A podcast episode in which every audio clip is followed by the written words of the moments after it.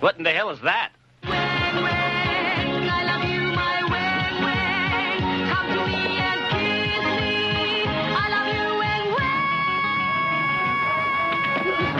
Interpol here.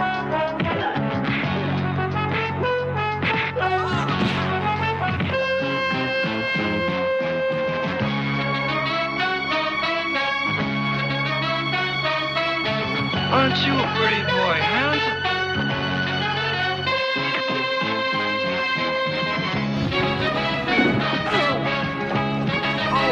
little hand.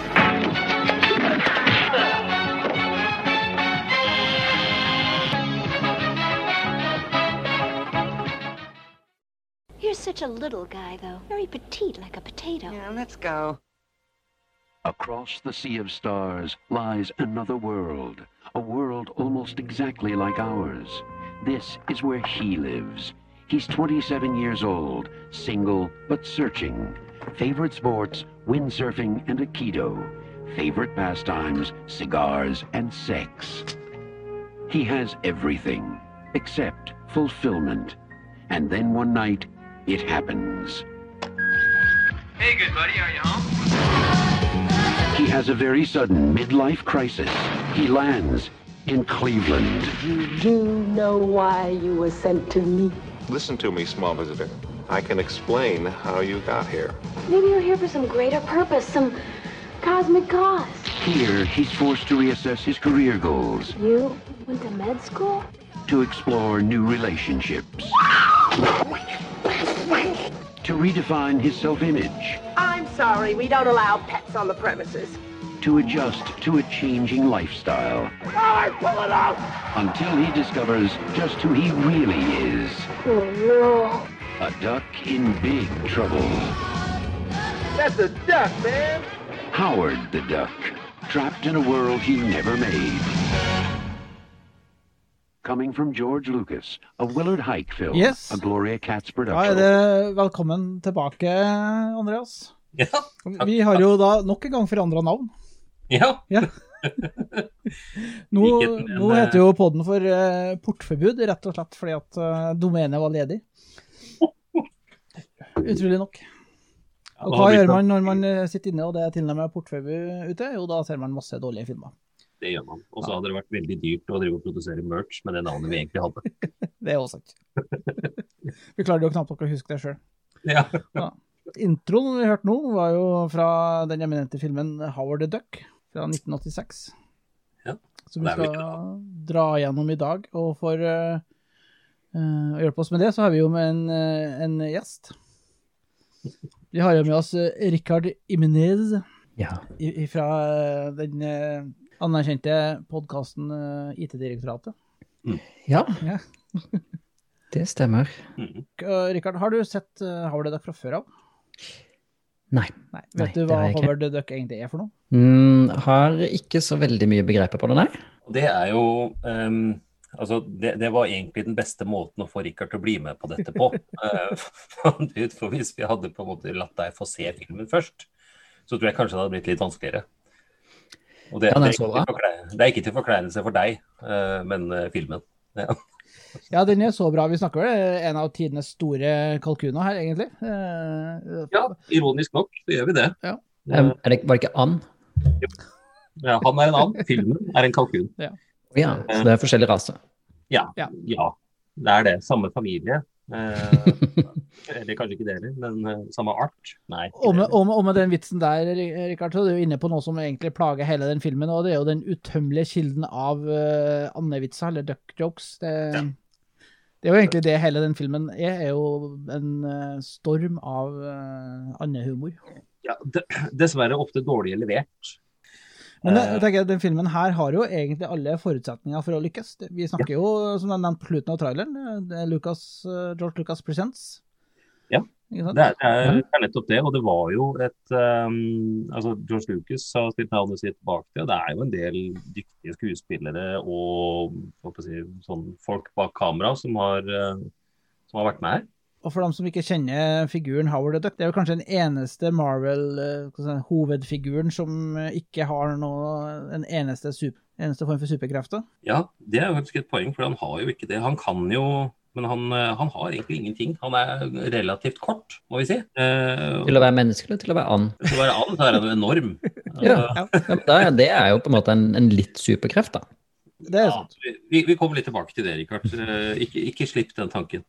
Eh, Men eh, det er jo en del um, Altså, denne filmen kom jo i 1986. Mm.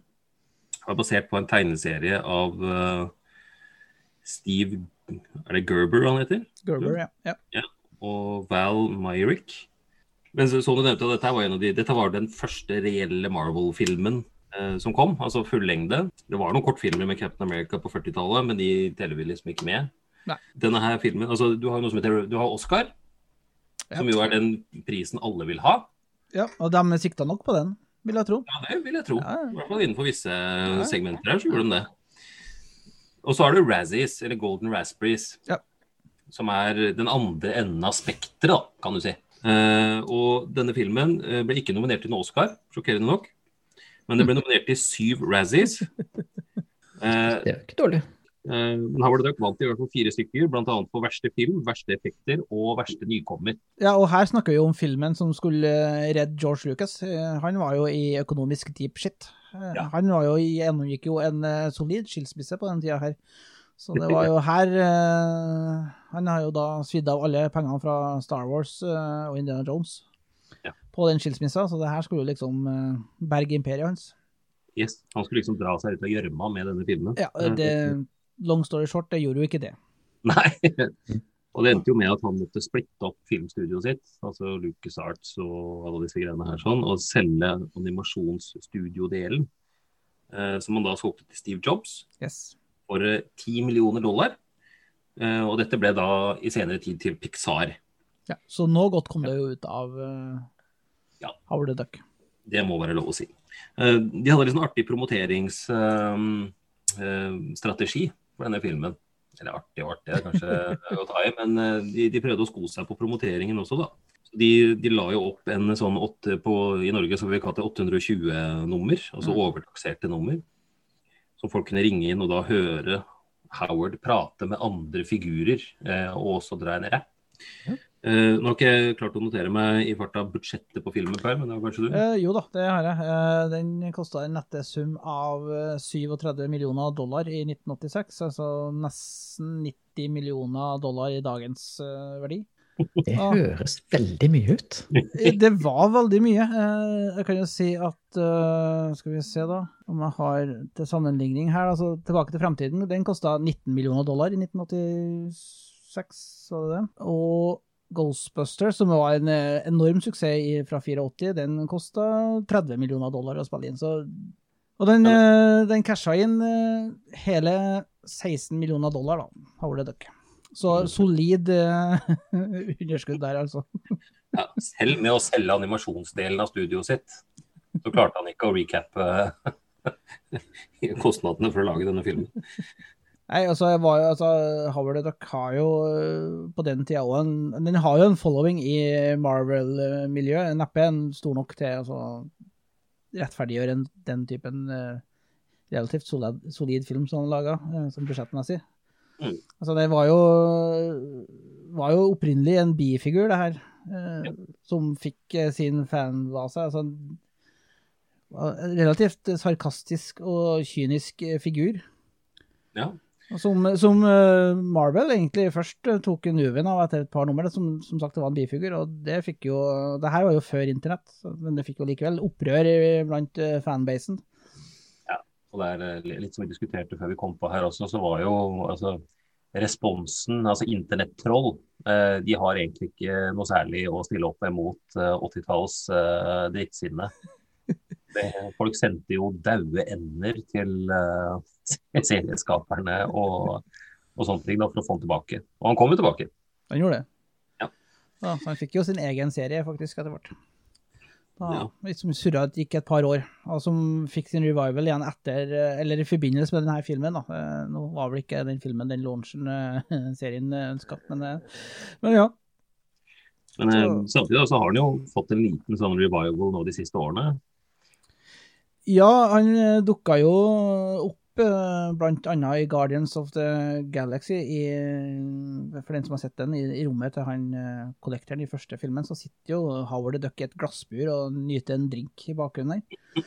Så da var det jo mange som av en eller annen tenkte at yes, nå kommer det en ny Howard the Duck-film. Litt usikker på hvorfor folk håpa på det, men eh, Introen her er jo Det gir jo en sånn type film noir-aktig følelse, hvor du kommer innover en uh, Og så er det litt sånn uh, sensuell saksofon Yes. uh, som spiller i bakgrunnen. Du ser liksom Du, du kjenner liksom lukten av gammel sigarettrøyk i gardinene, hvis du skjønner med musikken. Ja. I hvert fall jeg gjør det når jeg hører den. Og så er, er det jo to måneder, så du skjønner jo at Hei, we are not on earth.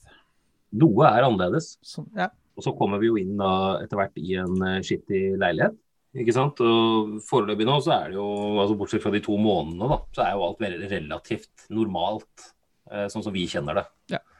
Ja, det vil jeg si. Han kan, kommer inn, kaster nøklene i en skål osv., og, så videre, og så skrur han på lyset. Og Her får vi det første hintet på at noe er annerledes. Something is very, very wrong. Ja.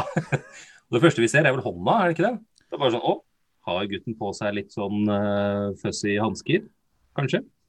Fordi Litt snasende hansker. Ja. veldig feite fingre med masse hvitt på. Og så begynner vi å se litt forskjellige sånn dekorasjon på veggene og sånt noe i denne leiligheten. Mm. Og der er det det er, altså, det, er, det er helt vanlige hverdagssituasjoner, men med ender Ja. istedenfor mennesker. Ja. Uh, vedkommende som da kommer inn i denne leiligheten, han går da bort til kjøleskapet, henter seg en øl, setter seg foran TV-en. Og det er masse, masse vanlige reklamer, sånn som du gjerne ser på amerikansk TV, da, bare med ender. Og så eh, setter han seg jo ned duden og tar opp Han finner ut at det er ikke noe på TV, er det ikke sånn da? Og så drar han opp et blad istedenfor. Han drar opp uh, Playduck. Og lurer på hvem som er My Airbrushed Beauty. Og så drar han opp midtsidepiken. Yes, og der er det jo duckboobs. Ja, og brystvorter og i det hele tatt. Ja, men jeg tenker Andre bryst, altså Var det nødvendig? Var det nødvendig? Og har ender pupper? Tenkt at Er det pattedyr? Who knows? Det er jo da tydeligvis en alternativ verden, så tydeligvis så er det en greie der. Ja, det er det tydeligvis. Men eh, ja, nei, det var veldig snodig. Altså, det var helt unødvendig. Men så skjer jo ting i en veldig kjapp rekkefølge her. Endelig. Eh, Han setter seg ned i stolen igjen, og så begynner, kommer det, så begynner alt å riste. Jordskjelv, tenker jeg. Og han holder seg fast i stolen og skriker, og så plutselig, helt sånn uten forvarsel, så bare fyker han av gårde baklengs. Gjennom veggen. Gjennom flere leiligheter. Eh, En dame, Ann, som sitter i et badekar. Da er det mer duck boobs. Mer duck boobs. Og her snakker vi ikke diskré engang. Her er det full frontal uh, boob. Ja, ja, ja det, det, det er helt riktig. Ja, Jeg, må, bare- jeg ble litt sånn opphengt i det, for jeg er bare så fascinert at de har gitt enderen pupper. Det, Ja. Jeg Og da syns også det er veldig tidlig å introdusere pupper i filmen. Ja, men Ja. Det, det som er som, altså, uten, uten å komme med noe særlig spoilers, så, så kommer det jo ikke flere etterpå. Nei, det gjør ikke det. Nei. Beklager, eh, Rikard. Det, det gjør Det Det er bare for å løfte på en måte interessen for de som har interessen for det. Jeg skulle til å si at alle de som hørte på dette her nå, har nå skrudd av. Ja. Så har du en Ja. duck boob-fetisj, så er liksom de første fem minuttene av Hover the Duck det er en greie. Eh, han fortsetter å fly baklengs, og så eh, kommer han ut av, altså ut i, planeten, altså ut av planeten sin. Ja. Eh, ut i verdensrommet. Og der ser vi da at planeten er eggformet. Han blir altså da dratt baklengs ut i lenestolen sitt, ut, Yes. altså baklengs gjennom masse leiligheter, ut i verdensrommet, opp i, eh, altså gjennom uh, det store intet. Han skriker hele veien. Ja. Sist jeg eh, sjekket, så er det, er det ikke sånn at in space no one can hear you scream. Det er for så vidt sant. Ja, Ja. Han kan vel heller ikke puste, han hadde vel vært en isbit. Er, men der er jo det òg en sånn voiceover som kommer som snakker om uendeligheten og flere forskjellige virkeligheter og dimensjoner osv. Og da forsvinner jo Howard the Duck inn i en sånn eh, firkantsak midt i verdensrommet. Ja, For den, den er der. Den er der. Ja. Turvis Tydeligvis er det en portal. Ja. Ja. Og det er sånn rosa trakt på en måte, som man dras igjennom også. Eh, og så får vi altså selve logoen på filmen kommer opp, Howard the Duck. Og så Neste så skjer det en fyk mot en mer eh, kjent planet, jorda, og lander der. I, Ja, en, i- uh, eh, i et smug. Ja. i ledestolen sin. Og eh, så, som man jo kanskje kan forstå, da, så er han jo litt satt ut på dette tidspunktet her. Som hører bør. Ja, ja. Ja. Altså, han har nettopp blitt slept gjennom eh, kosmos og har landa tilsynelatende, så vidt han vet. Fordi, altså, for ham så ser jo ting relativt likt ut, vil jeg anta. Og du, du får jo litt hint, for det står jo eh, på en ting i bakgrunnen, så står det jo Cleveland, og så står Cleveland på et skilt han fyker gjennom. Ja. Så det, det, den observante seer skjønner jo hvor det er. Og, og, og tydeligvis så har han jo da havna i Clevelands glamrock-distrikt. Ja. og altså, det, det første som skjer når han lander, er jo at uh, det kommer eh, nå, nå, Dette er jo en podkast, og du ser jo ikke at jeg lager sånne anførselstegn i, i, i videofeeden her, men det kommer punkere. Ja. Og disse punkerne, og dette er et gjennomgangstema hver gang vi ser dem i filmen, de ligner litt på de som står utenfor Outland eh, når det var på Oslo S. Det er, det er emoer, basically. Det er emo-kids. Ja, men samtidig litt for fargerik. Men det, det disse punkerne da gjør, er at de, eh, som man jo gjør da når man finner en eh, sånn eh, ande-menneskehybrid Ja, som, som de aller fleste ville tenkt at ok, her er en liten gutt ikledd et annet kostyme. Ja. Ja. Eh, Eller så hadde man tenkt ja, dette, dette var litt eh, annerledes. Eh, Kanskje Annerledes. Unintended pun. Ja. Men det disse her folka her gjør, altså de plukker den opp og bærer den av gårde inn på en Stemmer på nytt anførselstegn rockeklubb. Ja. ja. Og her er alt fabulously 80s. Det er så intenst. Det er så intenst 80-tall alt sammen. Det er kreppa hår og rosa tights og um, eh, nagler overalt og alt mulig. Eh, så disse punkerne kaster av til en annen dude og sier her har du en date. og inn på denne klubben, og da blir altså Howard da tatt for å være et barn og kasta rett ut igjen. Som du selvsagt gjør med en, ensom unge en, som føler seg inne på en pub. Du kaster jo bare rett ut på gata i trynet på eh, hjemløs eh, som roter rundt i søpla på utsida. Ja, og Han lander jo selvfølgelig i handlevogna, denne uteliggeren, ja. og hun begynner å skrike til han. og Her kommer vi da til den første litt sånn metoo-ish eh, sekvensen i filmen. For Han prøver da å stikke av fra denne skrikende hjemløse damen, og, og rygger da inn i et par som står og kliner inni et uh, slug. Ja, det. Ja, så tar han liksom hånda bak seg for å kjenne etter hva det er han står og lener seg til. Og det han da gjør, er at han stryker hånda opp etter skjørtet til denne stakkars Ja, dama. og, og i og med at uh, Howard er høydemessig utfordra, så får du en sånn interessant kameravinkel der, da. Egentlig. Det er jo nesten litt sånn upskirt. eh. Ja, akkurat det det er. Ja, er det en barnefilm? Er det, hva, hva, hva er det vi egentlig ser på her? Er det en eh, Jeg tror kanskje vi kryssa den linjen der. Eh, Eller Barnefilm. Den har jeg sjekka aldersgrense i Norge, 11 år, forresten. Ja, for duck boobs, det, det teller ikke. Nei, det gjør ikke det. Nei. Duck boobs doesn't count. Nei. Uh, uansett, han, uh, altså hun dama, når hun ser ned og ser at det står en and og klår henne på låret, så blir hun naturlig nok litt stressa. Så hun skriker da til denne fyren hun er der med, som prøver å denge Howard med et skilt. Ja. Hvor får det skiltet fra? For det er jo et sånt ordentlig protestskilt. Ja, ja. ja.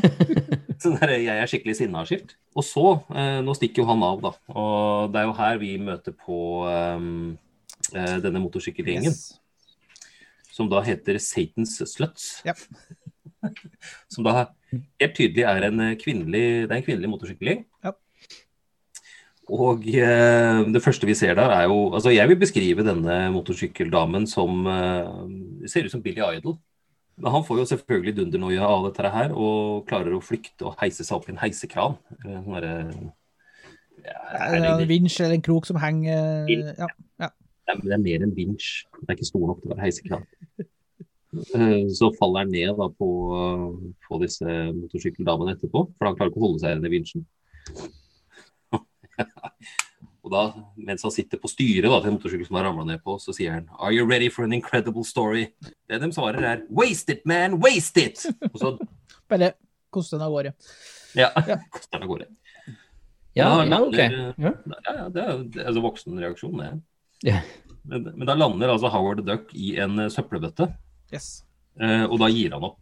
Han, eh, Ja, Han bare slår seg til ro i den eh, søppelbøtta, egentlig. Ja, han bare drar lokket over seg, og så sier han fy faen for en råtten dag. ja, det må du i hvert fall være enig i. Ja, og Hadde dette her vært en bok, så hadde vi nå gått inn i et nytt kapittel. Ikke sant? For nå ligger Howard the Duck, han sovner jo da i denne søppelbøtta. Mm. Ja, Jeg kan skjønne at han er sliten. Ja, det, det, jeg, det gikk fort mot slutten der. Det Ja, og, det, og du, du, det var å spenne seg fast, eh, Rikard, fordi det kommer til å gå fortere. Men eh, neste sekvens vi klipper til, er jo at nå er jo bandet ferdig med å spille. Altså de som spilte inne på denne rockeklubben. Yep. Det var et jenteband.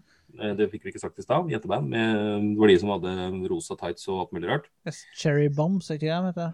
Cherry Bomb. Cherry Bomb. Men i hvert fall bandet er ferdig med å spille, eh, og vi ser at da vokalisten, eh, som utmerket seg i første scene hun var med i, med veldig stort og kreppa hår. Veldig 80-tallshår. Ekstremt. Veldig. Ja. men hun, hun ble jo da angrepet av eh, disse punkerne, eller emoene. Ja, for, for hun går jo hjem fra giggen, men hun ser litt sånn deppa ut, og egentlig ser ikke ut som hun har hatt en bra gig, og så kommer det jo bare to fyrer inn fra sida her. Ja. Som, jeg vet ikke hva de har eh, sniffa eller røyk, røyka for noe, men de er jo totalt ute på tur. Ja, altså de er eh, Og de, de er ikke sånn sløve eller noe sånt, noe, men de, de sier det jo selv etter hvert at We've done too much toot. Yes, de har They have done too much toot. hva nå enn det er. Men i hvert fall disse, disse, to punkerne, da, eller eh, de, de angriper da eh, eh, vokalisten. Ja. Um, og jeg må si at han ene punkeren, han har på seg en jakke hvor han har sånne dokkefjes Yes. på hele jakka si. og en hatt med en grønn fjær. Ja, det, det, ja. Så det er, sånn, det, er Ok. noen som har lest, det er noen som har lest om punker i en bok, og så har de tenkt at sånn sånn ut. Mm. Ja, men det gir jo mening, det. Ja, ja, ja. Men i hvert fall vår eh, vokalisten vår, hun er ikke noe pyse, hun, Paul. Nei da, hun sparker bra ifra seg, hun. Men det er jo, det er jo to mot én, da. og De tar jo nesten og dytter henne oppi den uh, søppelbøtta hvor eh, Howard uh, sitter og sover. Han- Han blir jo vekt av at de liksom eh, driver og herjer med denne jenta, stakkar. Men hun gir dem jo en vinge og vel Ja, så ja. det. Eh, Men Howard våkner da opp med at hun roper etter hjelp. Etter ja, viser hun det Howard er jo en eh, ordentlig gentleman. Gentle duck. Gentle duck. Eh, han våkner da opp og sier de udødelige ordene 'No more Mr. Nice Duck'. Yes. Og For uh, Howard the Duck var Hvilken eh, Det har vi jo glemt å si, men i introen, så når vi kommer inn i leiligheten, så er det jo bilde av en del uh, trofeer og bilde fra når han drev med idrett. Ja, For han er jo en uh, quack fu master. han er en quack fu master, det er Ja. helt riktig. Jeg noterer meg med en gang. Altså, Howard han er jo som du sier en gentleman og en eh, han, er ikke, han kan ta vare på seg sjøl, da. Men han roper altså opp og sier 'let the female creature go'. han vet jo ikke hvor han er hen. Og hvordan visste han at det var en female creature? Det Vi har sett pupper allerede, så Det det er tror jeg går fint. Good point. Det er good point, ja. Men eh, ja, punkerne sier, ser altså denne andedyret som hopper opp på søppelbøtta og sier 'we've done too much toot'. Det er en fantastisk replikk. Ja, helt nydelig. Jeg kan ikke Og- skjønne at han screenwriteren mista all jobb etter denne filmen. som mye gode replikker og scener som det. Eh, For jeg glemte jo til å si helt til å begynne med, han som er screenwriter her, eh, han har jo omtrent ikke noe oppdrag etterpå. Denne, denne filmen var dessverre en gravplass for flere lovende karrierer. Ja, da snakker vi om en screenwriter som òg har skrevet American Graffiti og bidratt til Star Wars og uh, Indiana Jones. Uh, ja, Temple, of the, Temple of the Doomed. Så han har jo en lovende karriere, men det ble slutt. Ja, men han var ikke noe lettvekter, han altså. Ja, jeg mener, i det du skriver 'We done too much toot', så ja. Da, Jeg vet ja. I, I 86 så var jeg fem år. Eh, Så jeg vet ikke om tut var et eh, begrep man brukte om eh, dop på 80-tallet. Jeg har aldri hørt, aldri hørt det begrepet om dop før. Eh, ikke. Men Howard annonserer at han kan quack fu, og så tar han en Det jeg har lyst til å beskrive som en veng-veng-salto. Everybody was quack fu fighting. Han han tar en veng-veng-salto, og disse, han og dama de grisekanker, disse punkerne, da, bare for å gjøre en eh, lang historie. Og så er det en veldig klein dialog da, eh, mellom eh, dama og, og Howard. Allerede der etableres nå jeg vil påstå er en del sånne undertoner som kanskje ikke er helt heldige mellom et menneske og ei and. Ja, Da, det ligger en tension der, altså. det ligger en tension der. Og Ja. hun altså, Først er hun jo litt sånn forundra over at det står en snakkende and som nettopp har grisebanka en punker med dokkefjes på jakka si. Det kan hende at hun har tatt litt tut. Det skal du slett ikke se bort fra. Men de, de prater i hvert fall sammen, og hun spør er du en and. Og så bare ja. Og så spør han hvor er jeg? Og så sier hun du er i Cleveland. Og så sier han å, Cleveland. Yes. Et passe navn på en teit planet. Nei, nei, planeten er jorda, tror jeg. Ja. Som sagt, don't too much toot. Ja, don't too much toot. Ja, og så liksom er den samtalen ferdig, da, og så går bare denne dama eh, først. Og så selvfølgelig, så nå, og nå Richard, nå, nå er det viktig å bruke et sånn derre, et sånn relativt slitt 80-talls virkemiddel da, i film, eh, for å vise at noe skal i ferd med å endre seg. Vi kuer inn litt sånn trist musikk. Mm. Regn. En utrolig cheesy vokal. Og regnet. Ja. Pøsregn. Ikke sånn pøsregn som vi vet at faktisk kan gå an, men sånn ordentlig amerikansk dusj, dusjregn. Bøtte ned. Ja. Og på, i sangen så sier de 'something changed inside me', og så Ja, videre. det- og ja. så, Og der har jo, det viser seg at Howard, han, dressen hans, altså Howard går jo i dress, og den er tydeligvis magisk. mm. For den blir jo ikke våt i det hele tatt. Det er mulig at den er, altså, ender er vel, eh, skal vi si, de kan jo bare, de er impregnert, skal du si. Ja. ja, det er jo det. Ja. De har jo noe greier i spyttet sitt. Ja, og tydeligvis så er det samme greia med dressen, for at eh, den blir ikke våt. Den blir ikke våt. Selv om den står ute i regnet. Og det kan jo ha noe med at eh, Men en, en ting må vi påpeke her da, før vi går videre. Det er jo at denne drakta, eller denne masken som eh, Howard er ikledd, Ja.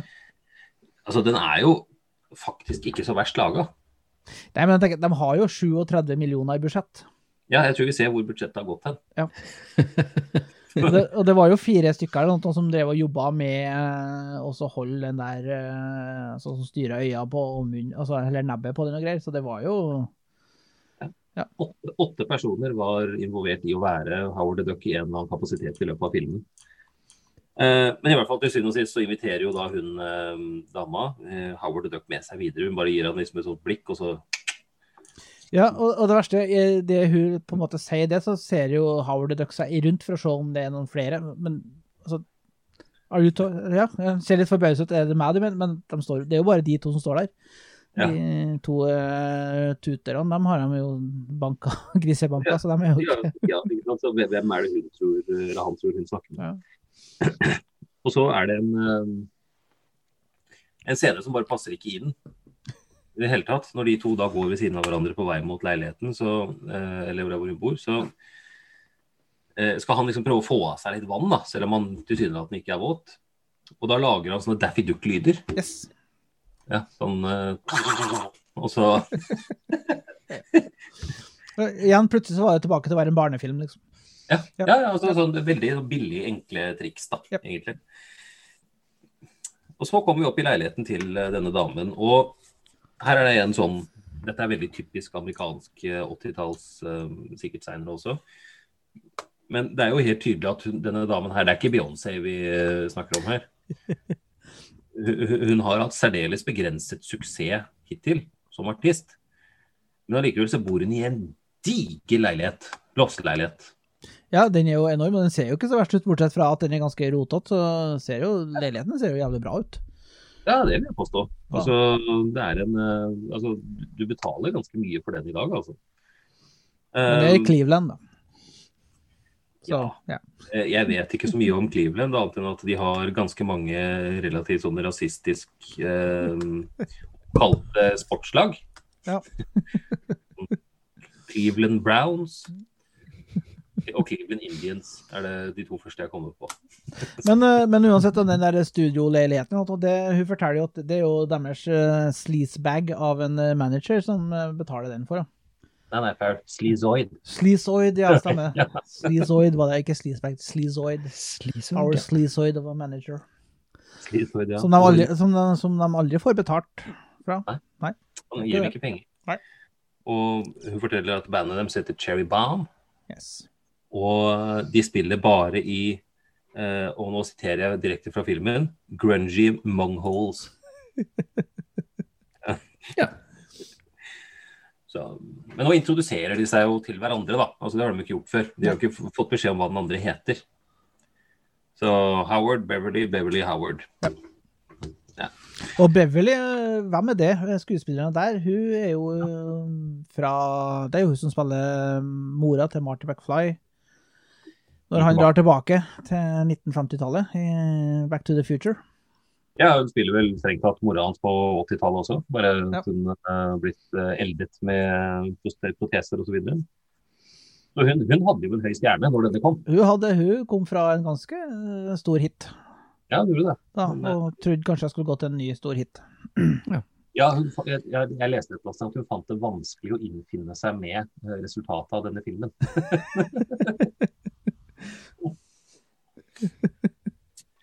Så det, men, eh, og, og her er det litt sånn det, Nå kommer vi jo til en sånn sekvens også som er litt sånn awkward.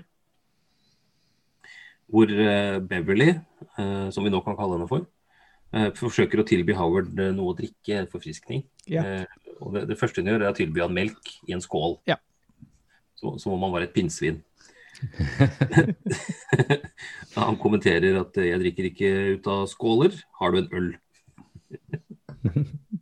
og så kommer vi da en eh, Fortsetter hun med 'Å, unnskyld, jeg har aldri hatt kjæledyr før og tørket opp bæsjen'.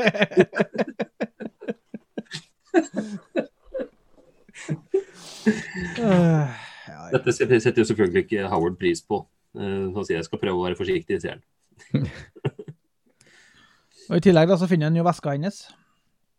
Ja, som er formet som sånn en sånn novelty-veske som er forma som en and, og lager en sånn rar andelyd i tillegg. Han kvekker. Yes. Så det ja, awkward. Awkward. Uh, ja, og så sitter jo de og prater litt, og Howard blir plassert i en lenestol. Mm, ikke sant? Ja, og plutselig så begynner alt å riste. Uh, og da får jo Howard PTSD med en gang. Altså, han, får, han blir stressa, ikke sant? holder seg fast og får flashbacks til uh, hele den der revers-univers-turen sin. Eh, men det viser seg at det er en lastebil. Er det ikke litt tidlig med en flashback-scene, omtrent ti minutter etter at uh, det, Det slo meg også at det her uh, de, de brukte den gaggen litt tidlig, syns jeg. Ja. Hvilket vi også kommer til å se litt senere også, Rikard. Det er jo den, eh, den totale mangelen på evne til å utnytte eh, gags og eh, si sånne eh, altså po potensielle gullkorn, da. Som de bare glatt hopper over. Som kunne gjort filmen mye bedre. Eh, men dette kunne de ha spart, spart seg for senere. Men, men eh, han, blir jo, han får jo seg en kakk, eh, han Howard, og han lurer jo da på OK, hva han sier I got this feeling there is a special destiny waiting for me. Etter at han Ja. blir kakka ut av den stolen. Og da sier jo Beverly maybe there's Maybe that's why you're here, cosmic cause. Så her, her begynner vi å bli dype, også. Her begynner å bli dypere, ja. Ja. Og rett i forkant av det så har han jo også fortalt litt hva han driver med uh, på hjemplaneten sin. At han er tekstforfatter uh, og reklame. Og Og han har solgt seg ut da etter at han egentlig var uh, med i band. Så Og, skulle, liksom og foreldrene ville vel at han skulle bli doktor og drive med litt plastisk kirurgi. Ja, Beak Jobs og sånn. Yes. Beak jobs and uh, tail feather. Ja. Ja, det- det- Tail cups. Tail tucks, ja. Men nå, nå, nå mener jo altså da Beverly at vi trenger hjelp. Eh, og hun kjenner noen som hun skal snakke med i morgen. Eh, og, så, og så kommer vi til en litt sånn creepy scene igjen, Perl. Hvor Howard sovner i vinduskarmen til eh, Beverly. Ja, ja, for han legger jo seg til rette i vinduskarmen og på noen puter og greier mens Beverly driver og prater i vei. Ja. Og han sovner jo. Han sovner. Han sovner, Så, og og, hva gjør man da når et, en vilt fremmed livsform eh, sovner i vinduskarmen din? Jo, Og mister lommeboka si på gulvet. og mister lommeboka si på gulvet. Ja. Først så stikker du den i panna, sånn litt Ja, sånn øm. ja den tar litt på uh, fjærpryden, skal du si. Fjærpryden, Ja, ja, i panna på. Ja, ja. Og så begynner du å snoke lommeboka hans. Yes. Og her er det mye gull. Altså, det her er, det her, og, men det er jo bare altså Det har jo ingen verdens ting med filmen å gjøre. Det her er jo bare for å få inn enda flere sånn duck-jokes. ja, og litt sånn snikreklame, da. Altså, Ja, ja. Alle skjønner jo hva det er de refererer til. Blooming ducks. Eh, Blooming Ducks ja, istedenfor Bloomingdales. Uh, og så kan vi si at uh, Howard Duck han bor i Marshington DC. Og der vil vi også påpeke at Etter hvert så drar hun også fram noen pengesedler fra Mm. den samme lommeboka, hvor han kommer fra United States of Anath Day.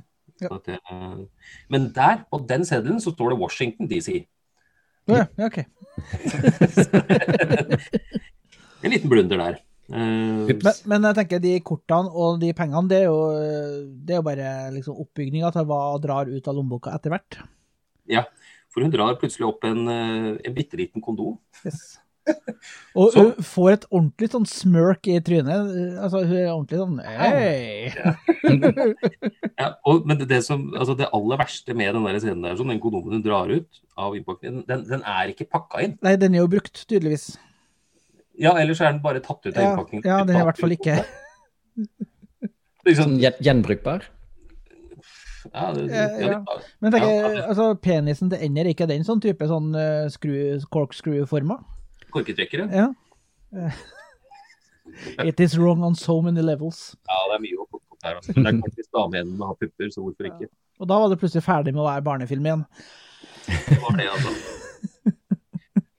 uh, ja, men så kutter vi jo brått og brutalt til neste dag. Ja. Det er det fint vær. Uh, vi sitter i en taxi, Yes, Og Howard er i en søppelsekk.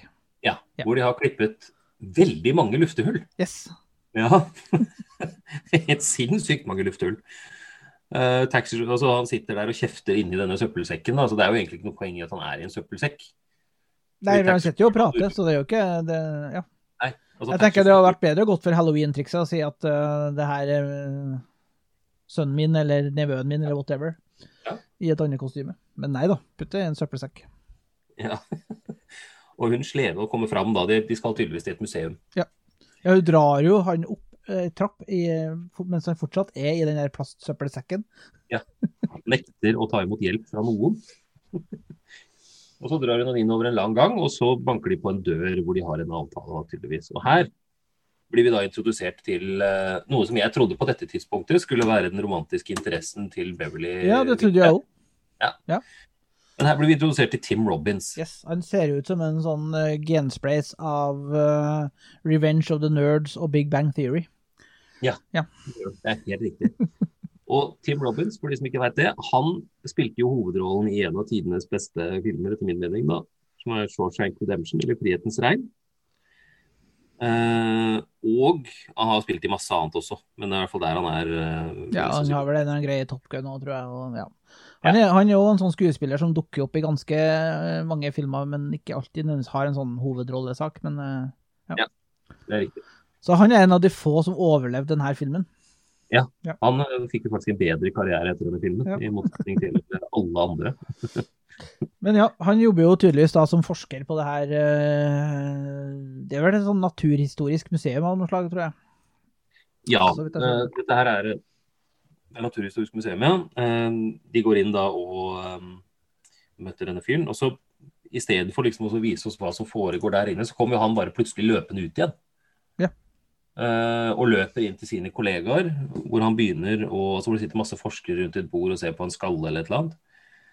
Og Han får sånn ordentlig sånn nerdefitt, rett og slett. Rett og slett, han, han, geeker ut rett og slett på denne, denne Anna som han har fått på kontoret sitt. Mm. Så løper han inn til disse forskerkollegaene sine og prøver å forklare hva det er han har for noe der, men han klarer det ikke. Nei, han bare bryter ut i hysterisk latter og springer tilbake igjen. Ja. Så da, da kutter vi tilbake igjen inn til kontoret hans, eller hva vi skal kalle det for noe, lokalet hans. Ja. Eh, og så er det altså en litt sånn der tåpelig sekvens hvor han forsøker å kommunisere med Howard som om han var en huleboer. Ja, han snakker veldig sakte og skrur på masse instrument og Ja, skrur på masse lamper for å lyse i trynet, og så Typisk eh, forskerting. Ja, og så prøver han å snakke som en and. Ja, typisk forskerting. Ja, det også er ganske kleint. og prøver å finne ut om han altså, Han innser jo etter hvert at det her er noen som kommer fra en annen planet, og da man, da har man jo selvsagt et eller annet super, form for superkrefter, så da prøver man å finne ut ok, hva er dine superkrefter, Howard? Har du liksom laserøye? Hva er, du supersterk. er du supersterk? Mm. Men Howard er, jo, han, Howard er jo egentlig en sånn ordentlig sånn uh, kynisk uh, Kanskje nyskilt 40 år gammel uh, and fra Duckworld. Ja, Han er 27. 27. Han ser ut som han er 40. Ja, han gjør det. Han ser ut som en litt slik 40-åring. I, I den grad jeg kan eh, beskrive alderen på ei and. da. Ja, du ser det i øynene. Så, i hvert fall, Phil- er jo sprøytegal. Altså, det er jo helt uh, Altså, han er ikke gal, men han er veldig ivrig, da. Ja, det er vel helst det, egentlig. Ja, så, Men det ender jo opp med at Howard blir så drittlei at han bare stikker uh, og, og går ut derfra. Men Phil følger jo selvfølgelig etter han og sier at han har en teori. Og så, så blir vi tatt igjennom artenes opprinnelse for mennesker. Og så over til hans teori for artenes opprinnelse for ender. Yes. Som basically er det samme, bare at istedenfor å klatre ned fra trærne, så mista endene vingene sine på et eller annet tidspunkt. Eh, og ble den dominante arten. Veldig Også, fantasifullt der også. Ja, du, du ser ut som et spørsmålstegn, Rikard. Ja, jeg, jeg sliter litt med å henge med. Ja. Ja, eh, hva, hva, tenk, hva tenker du så langt? Eh, Altså, I i utgangspunktet så er jo ikke premisset helt hinsides. Nei. Men nei, nei.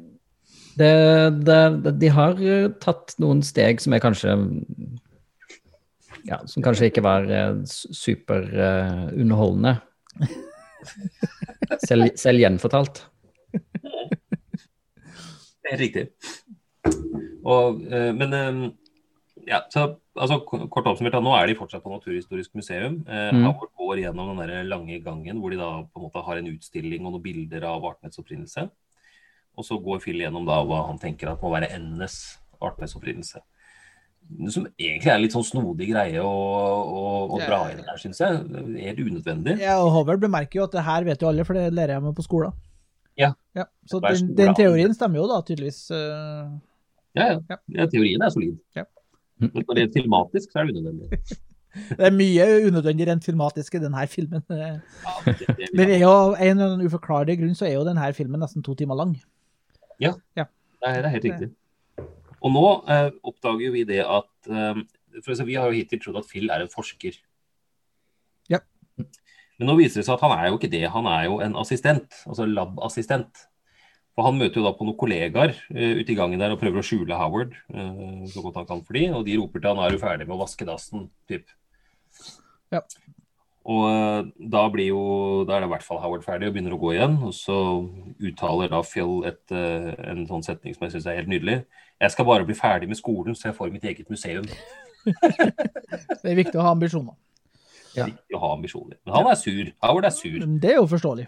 Ja, ja, rettmessig Ja. sur, vil jeg si. Så han bare går og sporenstreks ut av det museet, eller hva det nå egentlig er. Ja, Og nå gir han faen i å holde seg skjult. Ja, han skremmer jo livskitten av ei gammel kjerring på vei ut av eh, Ja, ja, ja. Og oppå å si uteliggere og, øh, og unger. Ja. Ikke minst. Ja, for det kommer jo en skoleklasse, eller hva det et eller annet, som tror at han er en del av utstillinga, der han står ute og Altså, han står på en fontene og egentlig kjefter på Beverly, og da, av en eller annen grunn så er det en skoleklasse og en voksen lærer som konkluderer med at det her er en del av utstillinga. Ja. Så de kommer jo bort og tafser på Howard. Ja. Og det gjør jo ikke Dan noe bedre. Nei, Nei. han setter jo ikke pris på det. Nei. Det må være lov å si. Så, men i hvert fall til syvende og sist der, da, for å gjøre den historien der kort, så sårer han Beverly, og hun drar. Og han, at nå, han innser at nå er han på bar bakke. Yes. Og det, det er visse ting man må gjøre, da. Man må ha tak over hodet, og man må ha mat, og bla, bla, bla. Og han, han eh, er jo Han innser jo det ganske kjapt, da, for han har jo ikke strengt tatt har ikke han vært på jorda så veldig lenge. Han kom liksom i, skal si, i går ettermiddag, går kveld. Ja. Og det her er jo kanskje da på formiddagen dagen etter. Ja, han bruker ca. fem minutter på å komme til den realiseringen. Ja. Uh, og hva gjør man når man trenger en jobb? Da går man på Nav. Da går man på Nav. Ja. Og det gjør Howard også. Yes. Utkledd, litt sånn uh, eksentrisk. Med solbriller og sixpence. Solbriller, sixpence, eh, snekkerbukse i fløyel med en liten hest på. Eh, for han har jo selvfølgelig måttet gå i småguttavdelingen på Uff for å, for å få seg klær. Men vi er altså da introdusert for en veldig streng Nav-dame som sier at jeg skaffer alle jobb, og det hjelper ikke å se ut som en freak. Det er hun som får alle misfitsene, det er jo det jeg sier. Hun får alle psykopatene. Ja. Og det, og det er jo her du da får første liksom, greia med at uh, Howard begynner å få sansen for uh, the female anatomy. For han, han klarer jo ikke å så la være å stirre på bakdelen til hun litt eldre Nav-dama. Og så, på hvor må Howard begynne å jobbe? Howard må jo da selvsagt begynne å jobbe på et eller annet spa-bordell, eller et, noe i den dur der, Ja, egentlig. som vaskehjelp. Som vaskehjelp. Han skal drive og øh, vaske ut etter diverse ting, og dele ut øh, håndkle og, og sånt noe. Og det, ja, nå, nå, det, nå, nå er det også ferdig med å være barnefilm, for her er det vi klipper jo over til en sekvens hvor folk konstant driver og har seg rundt omkring. Ja, det er helt Og det er ingen som bryr seg om at det er ei, and som går rundt og deler ut øh, Nei, det er bare en del av gimmicken. Det er tydeligvis en del av gimmicken. Ja, ja. Det er ordentlig sånn uh, sleazoid-plass, rett og slett. Ja. Og han eh, Altså, eh, ja. altså det, det går jo ikke så bra, da. Nei, det gjør ikke det. på denne jobben. Vi må jo si det at det, han varer én dag etter å han, han har vel tuppa sjefen sin uti et I en sånn gjørmebrytingsbasseng eller et eller annet sånt. Men eh, Andreas, hva vil du si, hvilken betydning har denne sekvensen for eh, historiefortellinga i filmen? Du, Paul, eh, den har absolutt ingen betydning for noe som helst. Og jeg tenker, Har det jo vært liksom OK, vi gjør det her for å vise noe hentydning til noe human boobs, men nei. Det er jo ikke det. Nei, vi, vi ser litt sidepupp, det er det eneste. Ja, så nei. Ikke at det ikke at det er viktig for seg, sjøl. Det her er bare sånn screen time. ja, helt meningsløs sekvens. Um, det er i hvert fall Howard får jo fyken derfra da, etter at han har tuppa skjebnen sin i gytebadet. Uh, og så uh, Howard han får da komme seg da Altså, Jeg er litt usikker på hvor han egentlig har tenkt seg. For han har jobba én dag. Han har uh, på en måte fremmedgjort hun eh, da, eneste dama som han kjenner, som var villig til å la ham bo et sted. Men vi kutter altså da til Howard på en buss. Ja, og han er veldig bestemt på hvilken uh, plass han skal av. Så han, Ja, ja. Det, det vet han. Eh, og, men det som også jeg synes er litt festlig der, er at han har kjørt denne bussen, men ingen reagerer om bord på denne bussen før han skal av. Nei, Da er- reagerer alle på at det er en and her. Ja, ja. Folk er veldig lite oppmerksomme, vet du, når de sitter i sin egen lille doing boble. too much toot. Ja, ja, han må være det. It's a duck, man! It's a duck! og, men han hopper av bussen og ender opp utenfor en elektronikksjappe som står og viser klipp fra andejakt. Og det er jo tydeligvis den store begivenheten i Cleveland uh, for tida. Ja, det er andejaktsesong. Ja. Så, og dette er jo naturlig nok litt traumatisk for Howard. Så han eh, løper av gårde og roter seg inn i et smug. Eh, og det er da tilfeldigvis det samme smuget som Yes. han landa i i starten.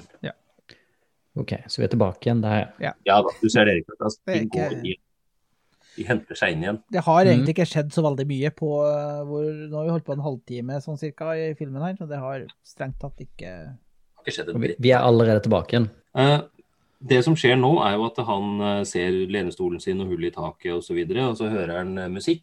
Eh, og det vil jo da si at han er jo nå ikke så langt unna denne rockeklubben som vi Mm. så helt i starten. Og hvem, Richard, er det som spiller på rockeklubben i kveld? Cherry bombs! Cherry Bomb! Surprise! Ja. Som spiller en trist sang. Ja. Ja, Ja, og- ja, det er ordentlig sånn deppelåt, faktisk. Ja, ja, ja. Det passer jo det ikke er- inn i den klubben i det hele tatt, den musikken som de spiller akkurat da, i hvert fall. En ting skal de ha litt kred for altså, uh, i filmene, og det er jo musikken. Altså, Den er jo skrekkelig 80-talls. Ja. Uh, men kvalitetsmessig så er den ikke så gæren. Soundtracket er faktisk ganske bra. Sånn, Ja, det er det.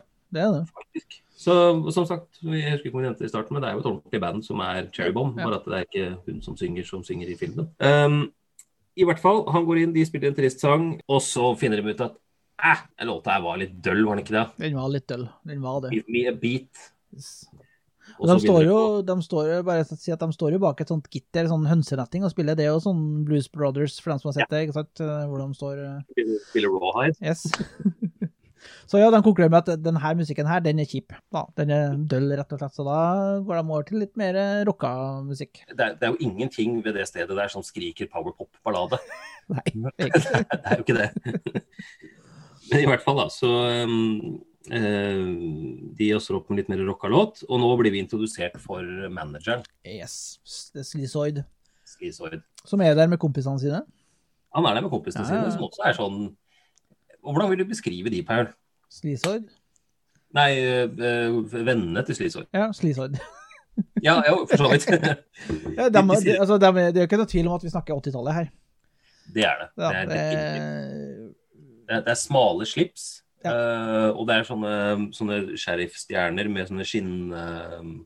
altså, det er jo ikke noe tvil om at det her er dodgy karakterer.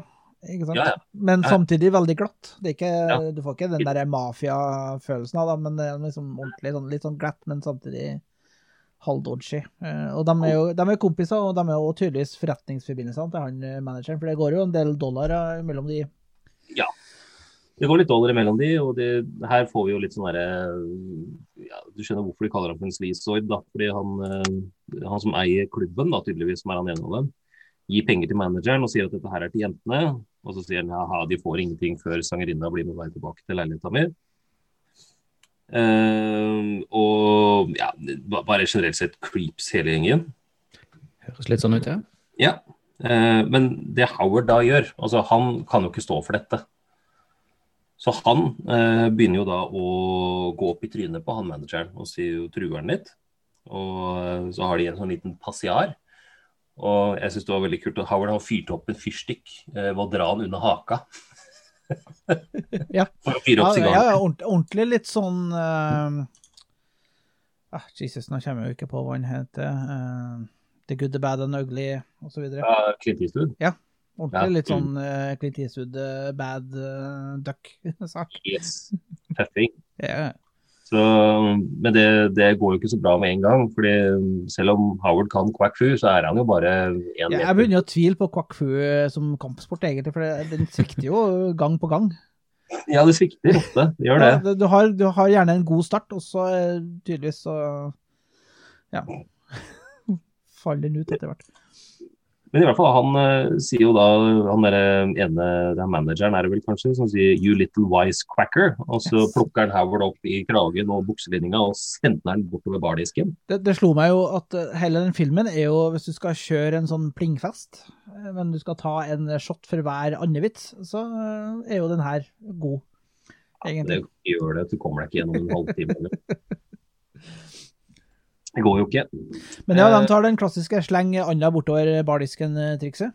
Ja, altså, jeg, jeg, har vært på min andel av den type steder uh, som, som de er i den uh, filmen her. Glamrock-puber. Ja, nei, med, med sånn der type bråkete musikkplasser. da. Og aldri på noen av disse stedene har baren vært ren nok eller glatt nok til at du hadde klart å skli noen bort. Nei, det er ganske stikkig. Det er jo sånn borrelåseffekt i det du Nei, helt riktig. Men i hvert fall etter at de sender ham bort på baren, så ser vi jo et lite klipp eh, som egentlig ikke er vesentlig for noen ting, men jeg har lyst til å ta det opp allikevel, av bartenderen. Ja. Jeg vet ikke om du observerte det, Perl. Men det, det er altså verdens nydeligste bartender. Eh, han har på seg berett, eh, sånn derre turtleneck. Ja. Og så har han en syltynn sånn klusåbart. Oh, yes, yes. Han, pa Eh, han passer heller ikke inn egentlig i den baren. Sånn. Ikke i det hele tatt. Men i hvert fall så ender det opp med at Howard spretter opp en penn av baren og grisebanker uh, For jeg mener bestemt at han bartenderen faktisk gir Howard ei flaske. Han gjør det. Ja. Som Howard da banker over huet på en av disse gun, gunsene. uh, men det ender opp med at Howard da smeller ei ishakke da, uh, gjennom øreringen på manageren. Altså ikke i øret, men gjennom øreringen. Yes. eh, og får tak i pengene. Ja. Og så eh, og så, Ja, han driver og prøver å Han snakker om at han har space rabies. yes. Ja, ja. Et, et bit, så dør du på 15 sekunder. Og da kan jo han, eh, kompisen til han manageren kan jo da fortelle at jo, det har han hørt om. Han mener han har hørt snakk om det på radioen eller noe sånt. Noe. Han er sånn chaos merchant, han derre Yes. kompisen hans. Ja, ja, det har jeg hørt om. Ja, det har jeg hørt om. Yes, har hørt someone talk about it. Yes. Ja, ja, ja. Så det er jo ikke noe tvil. Space rabies, det er en greie. Det er en greie. Og, men nå har vi kommet til det tidspunktet at alle er mer opptatt av slåsskampen enn av bandet. Ja. De, de slutter jo bare å spille og går av scenen.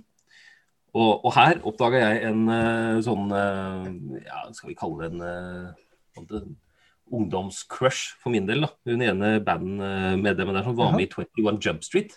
Å ja, jeg så alle den serien. da.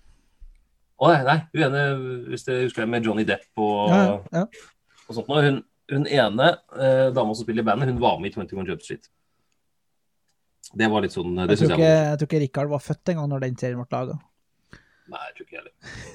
Og vi snakker ikke om Hun er for øvrig med i den nye 21 Jump Street-remaken også. Oh, how interesting, please take, tell me more. Ja. ikke så på. Er det en ny 21 Jump Street? Ja, og 22 Jump Street også. Oi. Men i hvert fall, Howard han går da inn i garderoben til disse damene og klasker damene på rumpa og drar de De har sånne, sånne Han er jo en tafser. Han er en tafser, noe Ja. sinnssykt òg. Og det er en, en av dem som har sånne, sånne dusker som henger ned foran på skjørtet og står og drar litt i de og Tror du egentlig han eh, Epstein er rollemodellen til Howard the Duck? Kan godt hende. Så, så, så de vant slåsskampen, da, med andre ord? Ja da. Ja. Ja da, og han fikk pengene. Ja. Fikk pengene, og han fikk eh, løst eh, bandet ut ifra kontrakten òg. Ja, det gjorde han også, ja. Ja. Important plot information. Ja, ja, Ja. helt riktig. Fordi eh, de er nå Altså, han Sleazoid er eh, nå ikke Cherrybomb sin manager lenger, og han, eh, hele baren er vitner på dette. Ja. men Howard klasker damene på rumpa, drar litt i de der duskene på skjørtet til den ene jenta, og så sier han unnskyld til Beverly. Oh, ja, det var duskene på skjørtet, det var ikke de andre duskene han dro. Jeg passa på å påpeke det. Men det Howard da gjør, at han ber om unnskyldning til Beverly mens han stryker henne på låret med én finger. Det er så creepy, altså. Oh. Men i hvert fall, og nå kommer jo da han eh, Hvis du husker Phil, Richard, fra i stad? Ja, museumsduden. Ja, museumsstudien, ja, riktig. Yes. Filthy. Phil, Phil, Filthy. Han kommer jo nå strenende inn eh, med pizza og, og øl. Yes. Til, eh, For han er jo en love interest til, ikke til Beverly. Nei. Nei. Som til disse andre damene. Ja. Som vi ikke ser igjen etter denne scenen. Nei. Nei. Bortsett fra helt til slutt. Interessant. Veldig. Eh, I hvert fall så Men han begynner å snakke om at uh, han har snakket med en kollega som er uh, astrolofysiker. Altså ikke astrofysiker. Astrolofysiker, ja. Astrolofysiker. Ja. Som har forsket på at mayaene kom fra Mars, Ja, OK. Ja. Mm. og at de gamle samoerne tilba kjempeender. Mhm. Ja, Ja. stemmer, for det var jo en teori der, at han har gjort noe research med noen kjempeender. Ja, ja. Og Howard han avfeier alt dette som eh, tøys. Naturlig nok. Why? Eh, ja, hvorfor? Fordi Ja, nei, jeg sier hvorfor det. Jeg vet ikke. Vi får ikke noen forklaring på det, gjør vi det? Bare at han avfeier det som tøys. Ja. Og uh, Phil innrømmer at det er tøys. Å ja. Han sier bare I was a long shot. Ja, Må jo gamble på et eller annet. ja Kjempebra. Og så piper de klokka til Phil, og så sier han at han må ta en telefon. Det syns jeg også er veldig morsomt. Tydeligvis da en eh, Jeg vet ikke helt hva han prøvde, om han, om han har stilt inn en alarm, eller om han skulle forestille at han fikk noe beskjed. Jeg vet ikke. Men det er i hvert fall peip på klokka hans. Um, ja, så går de da fra dette, denne bula som de har spilt på.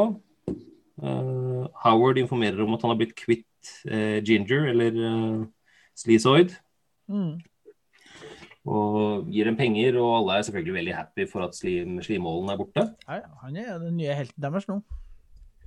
Men det Phil nå gjør, er at nå går han tilbake igjen til manisk forskerdud forskerdude. Ja. Ja, Enter og, mode. og, så, og, og så napper han en fjær ut av rumpa på Howard. Og altså Howard er jo ikke fornøyd med det. Nei, og jeg skulle til å si at jeg har jo ikke fjær på rumpa. Men jeg hadde ikke, Men idet de begynner å nappe deg i rumpa, så tenker du at eh, hadde ikke vært så fornøyd med det, altså. Hadde ikke vært så fornøyd med det. Og det er han heller ikke. Og, men det, det, det gjør jo ikke noe mer at det sår i stoltheten hans, men Phil er jo nå long gone. Og han skal jo av en, absolutt ha en fjær av stjerten. Ja. Ikke, Det er riktig. Ja. Altså, det er den viktigste forskerfjæren. ja. Kan ikke forske uten halefjær, si.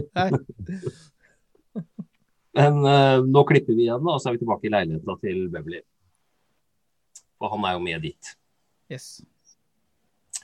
Og eh, vi ser at Howard han går rundt i morgenkåpe og står og eh, leker med et keyboard.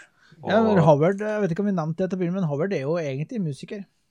Ja. For, for I introen så ser du jo bildet av Howard og bandet hans. Altså Howard and the Heartbreakers, eller et eller annet sånt noe. det er riktig, det. Um, og, og han står og leker med keyboard og skrur på en sånn keyboard-beat og står og spiller litt rann. på Og Den keyboard-biten er jo da tilfeldigvis den samme biten som han uh, har på en eh, låt han uh, holder på å skrive. Tilfeldigvis. Tilfeldigvis. Fordi du vet at musikk, eh, Richard, det går jo Det er jo universelt. It's universal. Ja. Yes. Yes. Absolutt. Så, men Beverly kom jo da ut fra badet på dette tidspunktet. Hun har da dusjet, fordi, og det vet vi fordi at permanenten hennes er eh, betraktelig mindre. Eh, det den var i stad. Ja, Men det eh, det må være lov å si, Paul, at hun er kledd rimelig vågalt. Ja, men jeg tenker, det er jo bare han som er leiligheten hennes. Så, Ja. Hun går basically i uh, ei truse og en uh, sånn derre veldig kort uh, topp. Ja. ja, det er revealing. Det er revealing. Og det, det er revealing på en måte som er Du, du får ikke den type revealing i filmer nå lenger. Altså, det her er en sånn 80-talls revealing.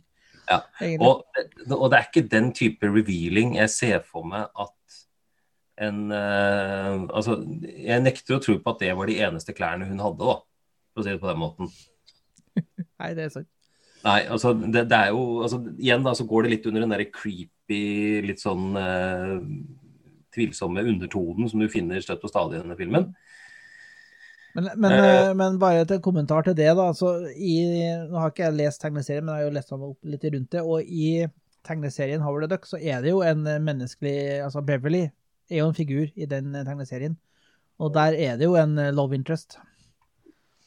Det er Veldig weird, altså.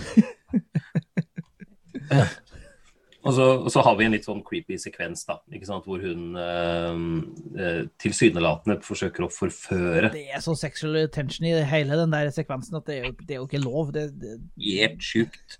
det er jo ikke greit. Ja. Så du mener jeg kanskje bør begynne å utforske dyreriket? Den type ting. Og hun begynner å skal, skal kle av seg og så videre, og så Howard han sier ja, hodepine. Men, eh, men jeg lurer på det, Andreas. Jeg har notert ned deler av den dialogen. Eh, Skal du ta den på slutten? Det kan vi gjøre, kan gjøre en reenactment. Ja. Eh, Da, må du, da må du sende den til meg. Jeg skal gjøre det. Jeg har ikke notert den. Eh, veldig fint. Eh, men i hvert fall til syvende og sist der, da, så viser det seg at hun tuller. Eh, eller Ja, men, eh, hele altså, den, ja, den, det det er jo ikke greit, den sekvensen der. Det er ikke greit i det hele tatt.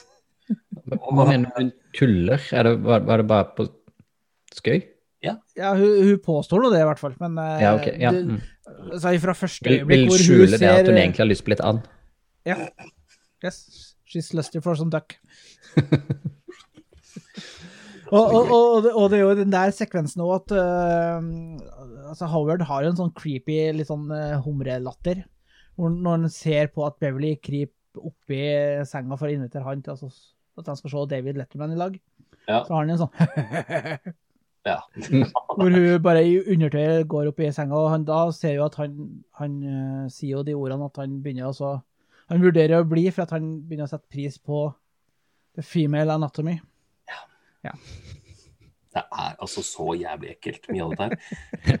Og uh, i hvert fall, de, de har hele den der kleine passiaren, da. ikke sant? Og så til sist så sier Jo, hun bare jeg, klar, jeg klarer ikke å slippe den, jeg skjønner du. Nei, for den, er altså så jævlig. har- Den har gjort inntrykk. for hele, altså, De ligger jo i lag i, i senga, og hun begynner å stryke den på hodet.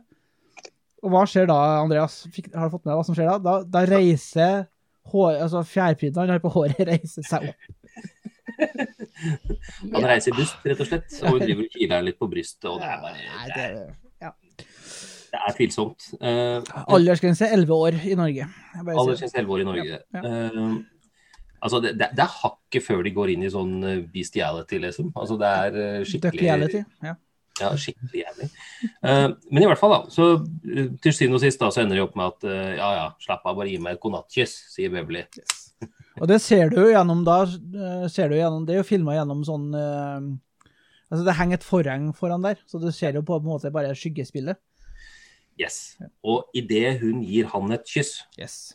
så Hva tror du skjer nå, Richard? Hun har planta truten rett på, uh, på Howard. I, vi ser det i skyggen. Og i det samme øyeblikket dette skjer, så kommer altså da Phil og kollegaene inn i leiligheten. Ja. Ja, nei, det hadde jeg ikke gjetta. Og, og hvorfor tenker de at det er greit å bare vase inn i leiligheten hennes midt på natta? Døra var åpen. det er helt åpen. vanlig. Døra var åpen. så de buser bare inn og ser jo da selvfølgelig denne sekvensen. Og øh, syns at dette her er øh, Ja, det er jo ganske ekkelt. Jo, men samtidig forbausende lite awkward, egentlig. Det er sånn Kind of shrugs it off. Sånn, ja, OK, det her er- This is weird, men det er ikke noe mer enn det. Nei. det Og så blir vi jo øh, Nå blir vi vel introdusert eh, til eh, en ny figur eh, som kommer til å være vesentlig videre fremover. Yes. Dr. Jennings. Dr. Jennings. Ja, ja. Og Dr. Jennings han har vi sett mange steder før. Eh, nå har ikke jeg helt uh, for meg hvor jeg har sett den, men jeg har sett den mange steder. Du har blant annet sett, hvis du har sett uh, Ferris Bueller Day Off, altså Skulk med stil, yes, så mener jeg han er rektoren der, blant annet. han er den typiske 80-tallsrektoren. Ja, ja, han Med litt sånn tynn bart. Eh, litt mangel på hår på hodet og ser litt streng ut. Ja. Ja. Eh, men i hvert fall Dr. Jennings og, og hans eh, kollega og Phil, det er tre stykker, de begynner nå å dra gjennom en sånn kvasivitenskapelig visvas-forklaring på ting og tang.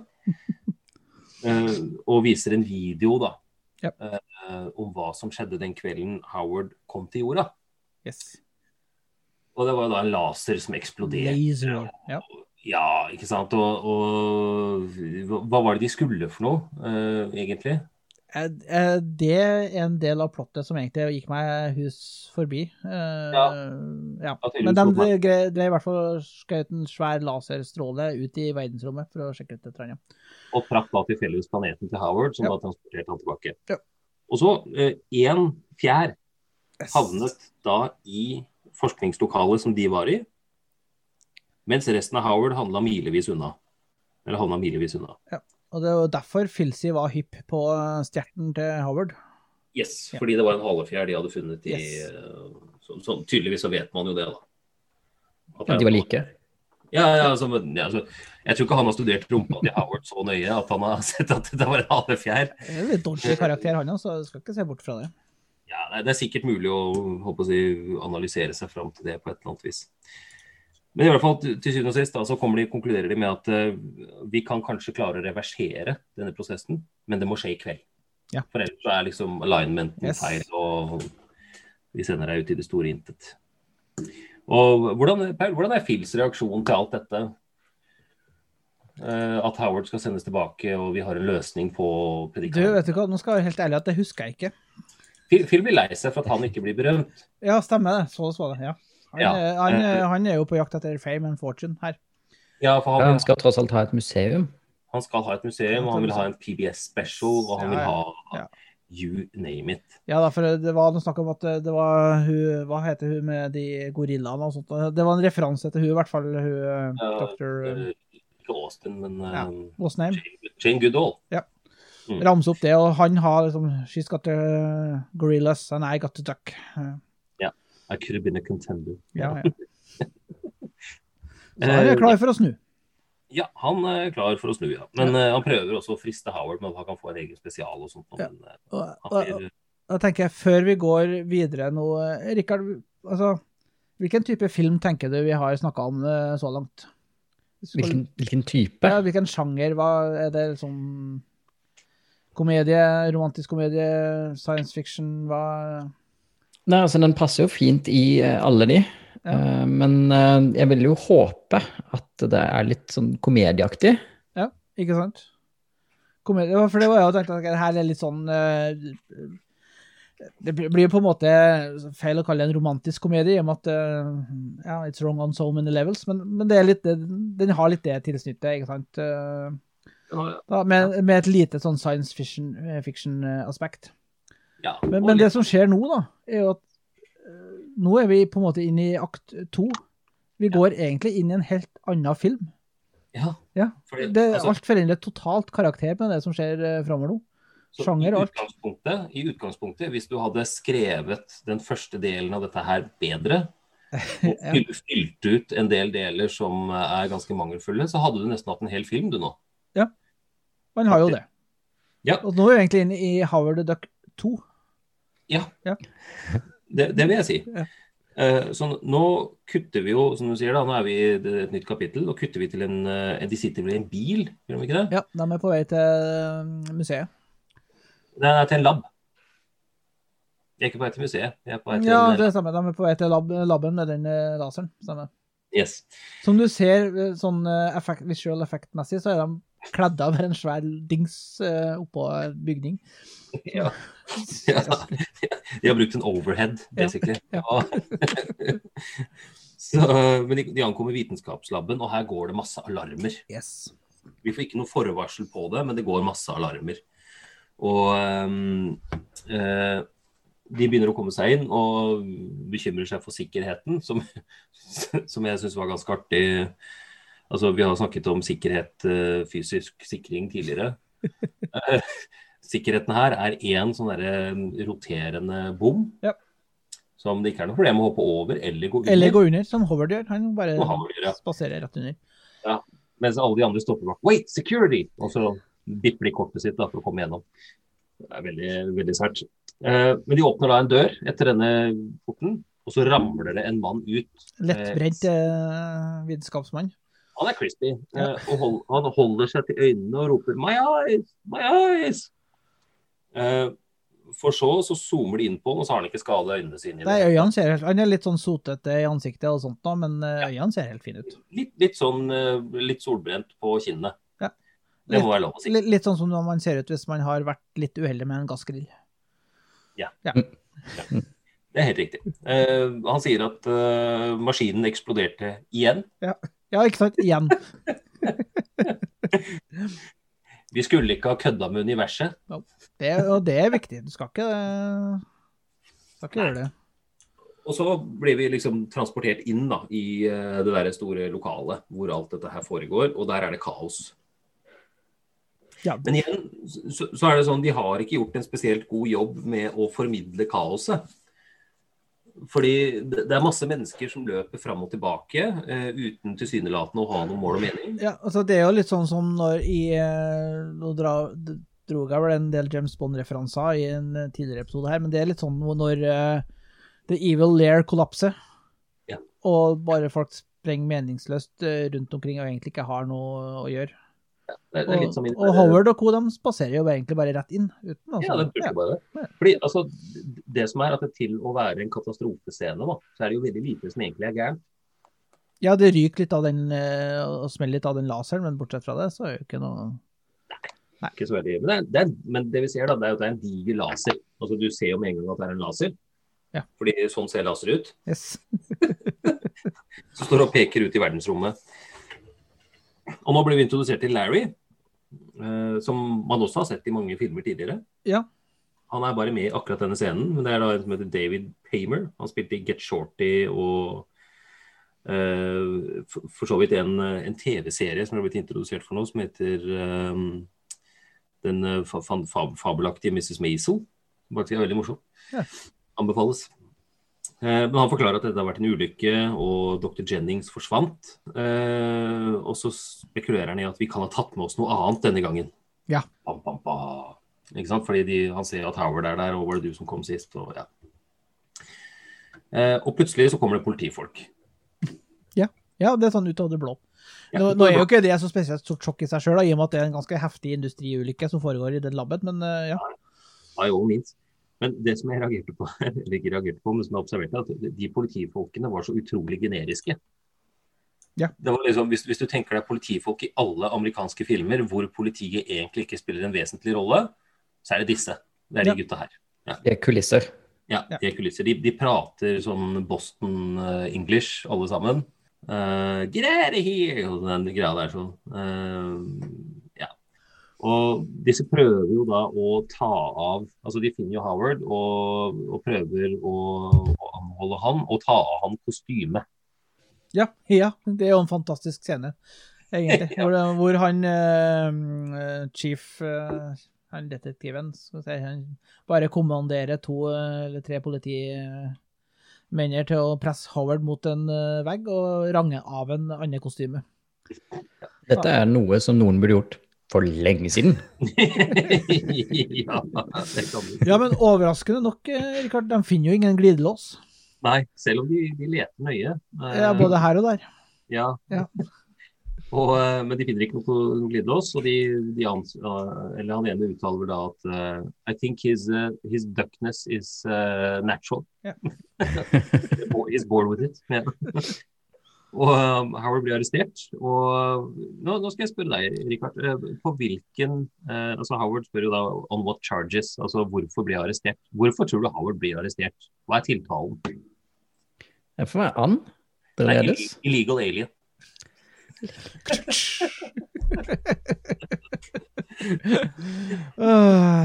Ja, det er helt nydelig. Ja. Og så, ja, Men Howard blir jo da handcuffed og frakta inn på et siderom. ehm, hvor da Beverly løper etter han og er litt sånn eh, Kan ikke arrestere han! Men, men ikke, hadde ikke politiet en annen oppgave i utgangspunktet, eller Nei, nei, nei. nei. Alt de, var alt de om kom til den forskningsstasjonen for å arrestere en and? Ja, du, du stiller et, eh, et relevant spørsmål. Jeg må innrømme at når jeg, altså, i de, Nå har jeg sett denne filmen to ganger. Uh, og, og på ingen av de to tilfellene så har jeg tenkt akkurat dette. Altså hvorfor arresterte de Howard? Det var bare helt naturlig i settingen. Ja, selvfølgelig arresterer de ham. Ja, ja, ja, det er jo klart de gjør det. Han er jo en and. Ja, hadde ikke noe glidelås. på, på en and uten glidelås på scenen av en industriulykke. Selvfølgelig må vi arrestere. Men i hvert fall, da. eh, de- får han inn på et siderom, og eh, han finner en sigar som eh, er tent. Ja. Han er jo glad i sigarer, Howard, det har vi jo sett tidligere. Og han er nå bundet, og de prøver å altså Beverly kommer inn og sier du kan ikke arrestere henne, og bla, bla, bla. Så det Howard da gjør, er at han kaster den tente sigaren oppi en papirbøtte. Ja, og det er veldig lettantennelig, det som er i den papirbøtta. Ja, det begynner å ryke veldig fort, i hvert fall. Ja.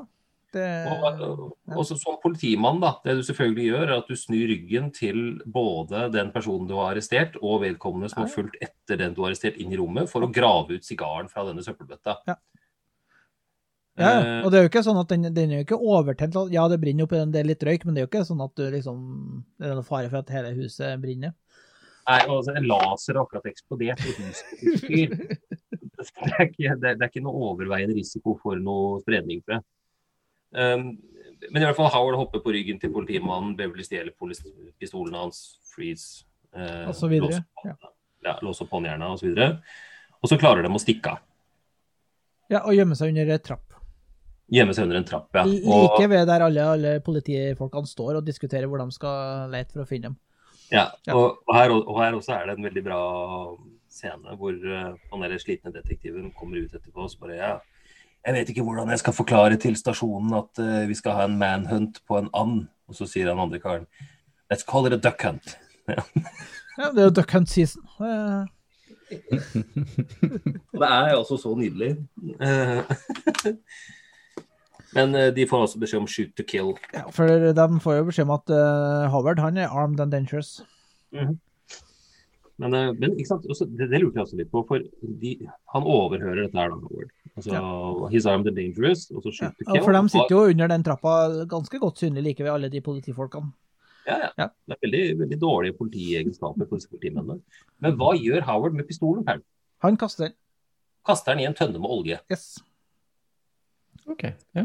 Så eh, ja, jeg vet ikke om det er Ja, men han eh, er cock fu master, så han stoler Ja. liksom på kampsportegenskapene sine. Han trenger ikke trenger en ikke pistol, han. Det var jo Beverly som tok pistolen, så Ja, det er helt sant. Er Ja. helt sant. ja, ja. Uh, ja, eh, så går de ut, og, så, og nå Har du ikke jo... skjønt eh, det, Andreas, at denne filmen følger en viss form for logikk? Jo, uh, en viss form for logikken. uh, men nå kommer jo Jennings tilbake. Yes. Å ja. Jennings, ja. Han som hadde blitt Jennings, borte. han som hadde blitt borte. Dr. Jennings. Ja, ja. Jennings Uten at vi visste det. Uten at vi, ja, vi, vi fikk jo forklart i stad at Jennings hadde blitt borte når laseren eksploderte, men Ja. vi visste ikke at han var der hvor laseren eksploderte. Nei. Men det er tydelig at han da kanskje har reist i forveien da, for å varme opp laseren til han kom. Sveiv i gang laseren. Ja, sveiv i gang laseren. Men vi, Jennings kommer tilbake, og han ser litt svidd ut. Ja, Ja, han er sånn. litt sånn lettsvidd. Han har varma opp laseren. Han er blitt, opplateren, å, litt lettsvidd og litt sånn småforvirra, egentlig. Ja, og han er i dårlig form. Men det er jo ikke idet du har en svær laser som er eksplodert i trynet ditt, så kan jeg jo skjønne at du er litt uh, sliten. Ja, det er innafor det, altså. Men eh, han har jo bil, Jennings. Jennings har bil. Ja. Det. Så det vi altså nå gjør, er at uh, Howard og Beverly og Jennings, de stikker av. Ja. Og hvem er det som kjører den bilen? Uh, hvem, tror du kjører bilen, Richard? Må det være Howard?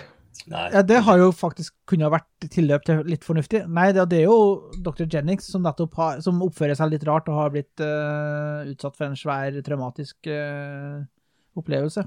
Ja, og så tenker jeg også at det kunne vært et komisk innspill At Howard kjørte bil. å ha en Ja. and til å kjøre bil. Ja, ja. Igjen, her er enda et eksempel på at de har missa et gullkorn. ikke sant? Fordi du bare ser de hvite hendene over rattet ikke sant? Og, Ja. og kjører og sånt. Men nei da, det er dr. Jennings som oppfører seg svært rart og ty og ganske tydelig ikke er helt ved sine fulle fem.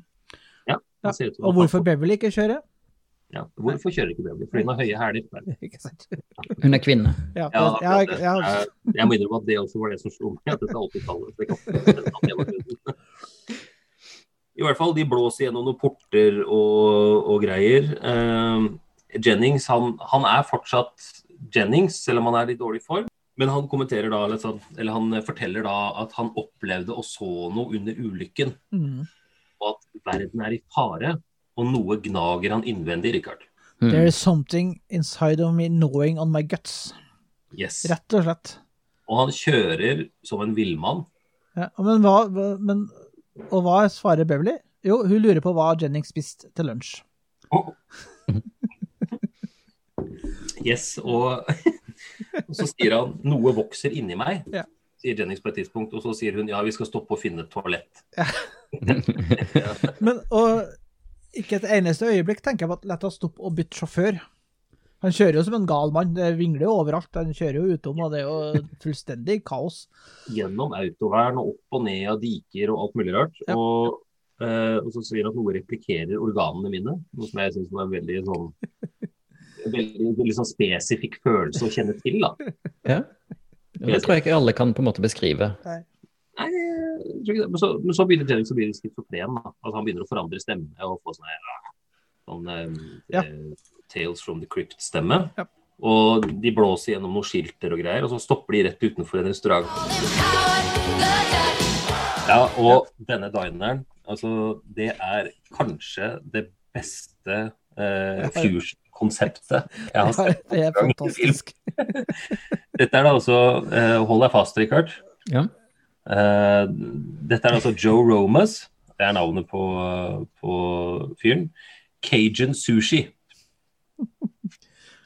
Som, som designmessig er laga som en eh, amerikansk 50-talls uh, diner.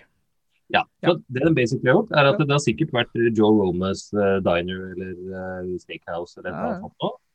Og så har de Cajun steakhouse, kanskje, og så har de bare satt på sushi. Ja. Um, Jeg tror de har hele denne bare for å få inn noen sånne asiatiske stereotypes inn i filmen. Ja, for det kommer etterpå. Eh, det, det minner meg litt om jeg, fikk høre om en, en kinesisk restaurant eh, som hadde gått konkurs, og så var det meksikanere som hadde tatt over eh, for å lage meksikansk restaurant. Og det de hadde gjort, da, var istedenfor å gjøre om all dekoren, så hadde de bare malt sombreroer på alle pandaene. Som var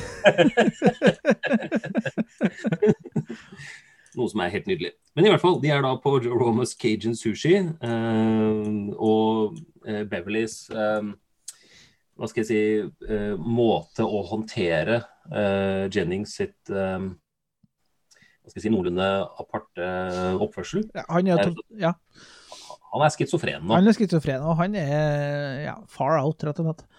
men hun mener at han trenger kaffe. Rett og slett. Ja, ja. Man blir jo litt rar når man ikke får i seg kaffe. Det er for så vidt sant. Man gjør jo det. Eh, Men de går også inn da på Joe Romas Cajun Sushi, eh, og hvor alle servitørene da er kledd som 50-talls diner, som du sier, Perl. Ja. Men, men har på seg da pannebåndene fra Karate Kid. Eh, og det, det er bare en, sånn mishmash som ikke hører noe sted hjemme. Eh, en gretten gammel servitrise kommer bort og sier at det ikke er lov å ha med seg kjæledyr inn når hun ser Yes. Howard. Mm. We Eh, don't allow pets on the premises, ja. ja. ja. Ja. Men uh, Howard melder da at han er en seeing eye duck. Uh, og da er det jo greit. Ja, og Ja. holder Jennings i hånda og lederen til bordet. Og Jennings han er nå i fullt forfall. Han har skin condition. Ja, altså han, han ser nå ut som dag to etter en dårlig sol, sol, sol, solbrenthet. Eh, han eh, flasser og svetter og er rød og det er bare alt er bare fælt. Men, men jeg er jo imponert over hvordan Beverly beholder fatninga. Altså, her sitter hun da på en uh, Ja. sushi-fusion-sak med uh, and fra verdensrommet og eh, en, eh, en professor eller doktor som driver og forandrer personlighet totalt. Ja, Og tenker at det her er greit. Ja. Sånn, livet skal være. Det, det her er innafor. Det er greit, men kom med den jævla kaffen, da. Ja, ikke sant? Og la oss få noe mat. Ja. Ja. Og, ehm, men i hvert fall de ehm, altså han, Howard han roper jo da på en servitrise da, når de har satt seg. Ja. Og han, han gjør jo det på en måte som kun uh, er lov i 80-tallsfilmer. Han plystrer og hoier og hei, hei darling og så videre. Hei, tuts. Eh, og så er det de som kommer bort til bordet. Og det hun blir da møtt med da fra Jennings, er at han nå har switcha over til sin mørke personlighet. Han er full Dark Lord her nå. Han er full Dark Lord, og han, det han sier er You're about to witness the end of the world. Men jeg lurer jo på hvilket klientell de har på den der eh, dineren. For det, det er jo ikke noe sånn Ja, det er sånn OK, ja, whatever. Ålreit. Du kan ikke sitte her hvis ikke du spiser. Ja. Ja, for det er jo den beskjeden de får. De må jo bestille. Ja. De må bestille mat. Ja. Og de, de Ja. blir enige om at de tar en special og noe øl og greier. Og han, eh, Jennings melder at han er en av universets dark overlords, og han skal hente peepsa sine, altså Yes. folka sine. Ja. Eh, og så lurer jeg da på hvorfor, hvor, altså, hvor, hvorfor forklarer han dette i det hele tatt? Altså, det er jo fordi at skurker har en iboende trang til å måtte forklare Ja. Ja. Men- sin strategi til alle. Det er jo sånn Men- du vet at det er en superskurk. ja, ikke sant? Men gjør man ikke det på slutten? Altså, vi er Nei, nei, nei. Ja, nei.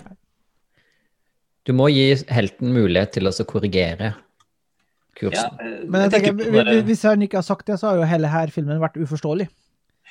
Ja, det er for så vidt et poeng. Ja, at den er fullt forståelig nå. Sant? Så, så, så kommer jo da i hvert fall eh, ja, hvis, Ok, vi kjøper den, det er greit. Uh, men servitrisa kommer da tilbake med special øl. Yes. Og Åh. hun serverer da Howard Anna Howard speilegg.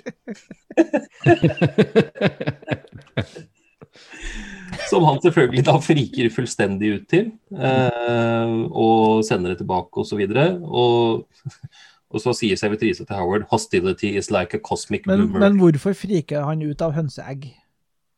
Han friker ut fordi det er egg, han vet jo ikke at det er hønseegg. Eh, Nei, det er jo for så vidt sant, men ja.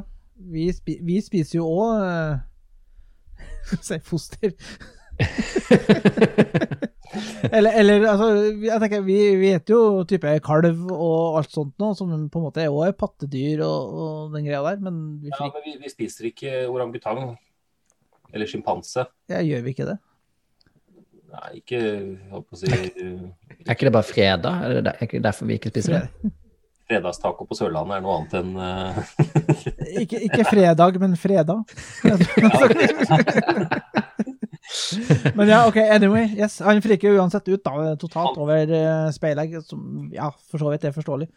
Han friker ut, ja. Og så, som sagt, så sier TV Prisa 'hostility is like a cosmic boomerang', som jeg syns er et veldig godt sitat. Altså, hun, hun, dette er en, en dame som serverer en dude eh, en and. Ja. Hun antar jo først at det er et barn i andekostyme. Det er jo forståelig. Ja, ja, for all det. Ja. Og en fyr som holder på å smelte foran øynene hennes. Og da Beverly som eh, Ja, hun er jo nese som ser sånn altså, Hun hadde ikke vært normal i dag, men hun var kanskje normal da. Og hun bevarer jo fatningen, den servitrisa, og det skal hun ha, da. Det er jo ikke noe sånn det er Whatever. Ja. Whatever's just fancy. Ja. Ja, hun fortjener tipsen sin. Ja. Mm. Og så da, så, eh, så, så går jo hun, tar med seg maten og, og går, for Howard vil ikke ha den der. Og så ser vi jo det første eksempelet på at Jennings begynner å få krefter. ja, for Ja, ikke sant? Ja, stemmer. Mm. For da, han- da Jeg vet ikke om man ser på altså, en flaske med noe Heinz eh, tomatketchup og noe sennep som bare Ja, han- eksploderer på bordet. Han ødelegger krydderiet på Ja. bordet. Han legger krydderiet, det er sant? ja. Med da lysende øyne. Så han har Ja, ja. der- Ordentlig sånn Ghostbusters-effekt. Veldig. Um, han fortsetter å snakke om at han skal ta ned de andre overlordene, og han har en Uh, Og dette er viktig, Rikard. En digital nøkkel. Digital. Digital key. Digital key. Ja, ja. Som Og den er digital, det er veldig viktig. Det er veldig viktig. Ja. Og den, når du ser på den nøkkelen, Paul eh, Når jeg så på den, så så jeg det, det, Hvis du husker de hotellnøklene som var på tidlig 90-tall, sånne hullkortnøkkel, Ja, ja. så har de planta det inn i et sånn et lite hus med en bitte liten sånn LCD-skjerm på, eh, med en knapp. Ja. Eh, eh, jeg vet ikke helt hva annet jeg skal sammenligne men det, det så i hvert fall ut som en gammel garasjeåpner, egentlig. Eh, det var veldig pussig. Ja. Men Det er sånn en digital nøkkel ser ut. Ja. ja. Det er det. Ja, den, så, den så veldig Star Trek-aktig ut, egentlig. Ja, Ja. tidlig Star Trek, ja, kanskje. Uh, han fortsetter å smelte av Jennings, han ser bare verre og verre ut. og nå altså, vi, vi har jo tidligere blitt møtt med punkere. Ja, Altså- som var totalt umotivert uh, sak, egentlig. Og nå helt plutselig, sånn out of the blue, så dukker det da opp tre rednecks. Yes. Eh, det jeg har kalt i notatene mine for generiske fulle bøller. Ja, det er godt oppsummert, egentlig. Med sånne der, eh, eh, boblevester og trucker capser. Yep. Og snakker som om de kommer fra the deep south. Ja, og de har jo bestemt seg for at de skal ta rotta på Beverly og Howard og Jennings. Det, de egentlig prøver på, er vel å komme i kontakt med Beverly.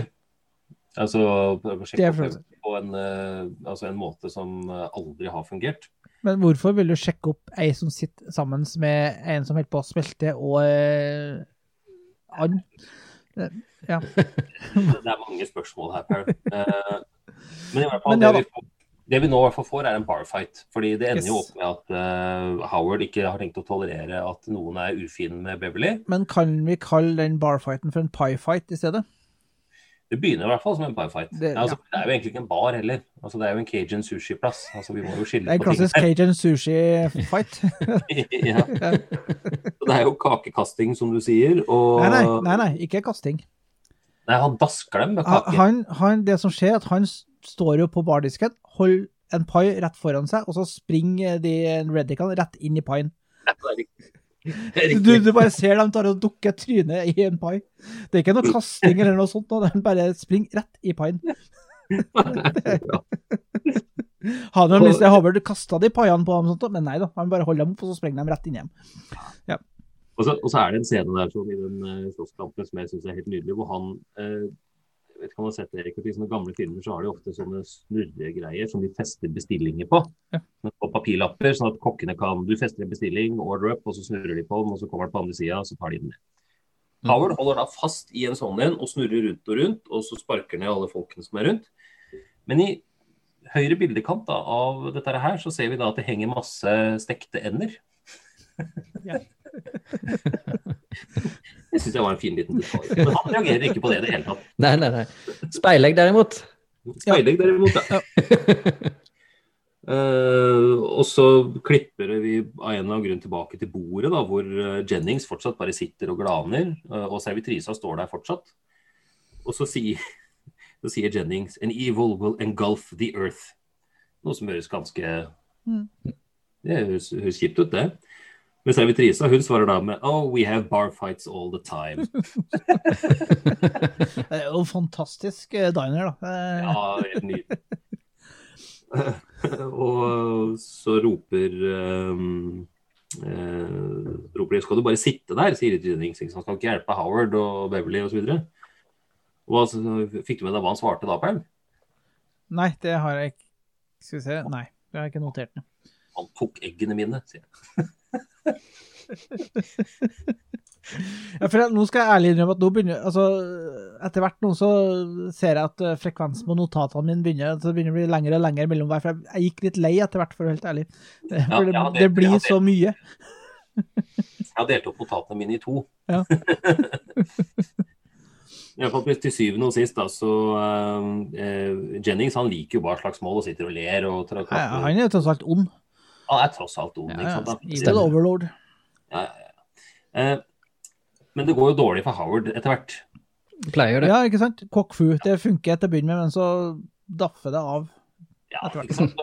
Og, til syvende og sist da, så blir han jo båret eh, over hodet på alle disse bar... Ja, Ordentlig sånn eh, lynsjmobb. Ja, Ja, ja. med Beverly løpende bak, litt sånn små, småhysterisk, naturlig nok. Eh, og hvor hun da roper det eneste som faller inn i hodet hennes for å få dem til å stoppe.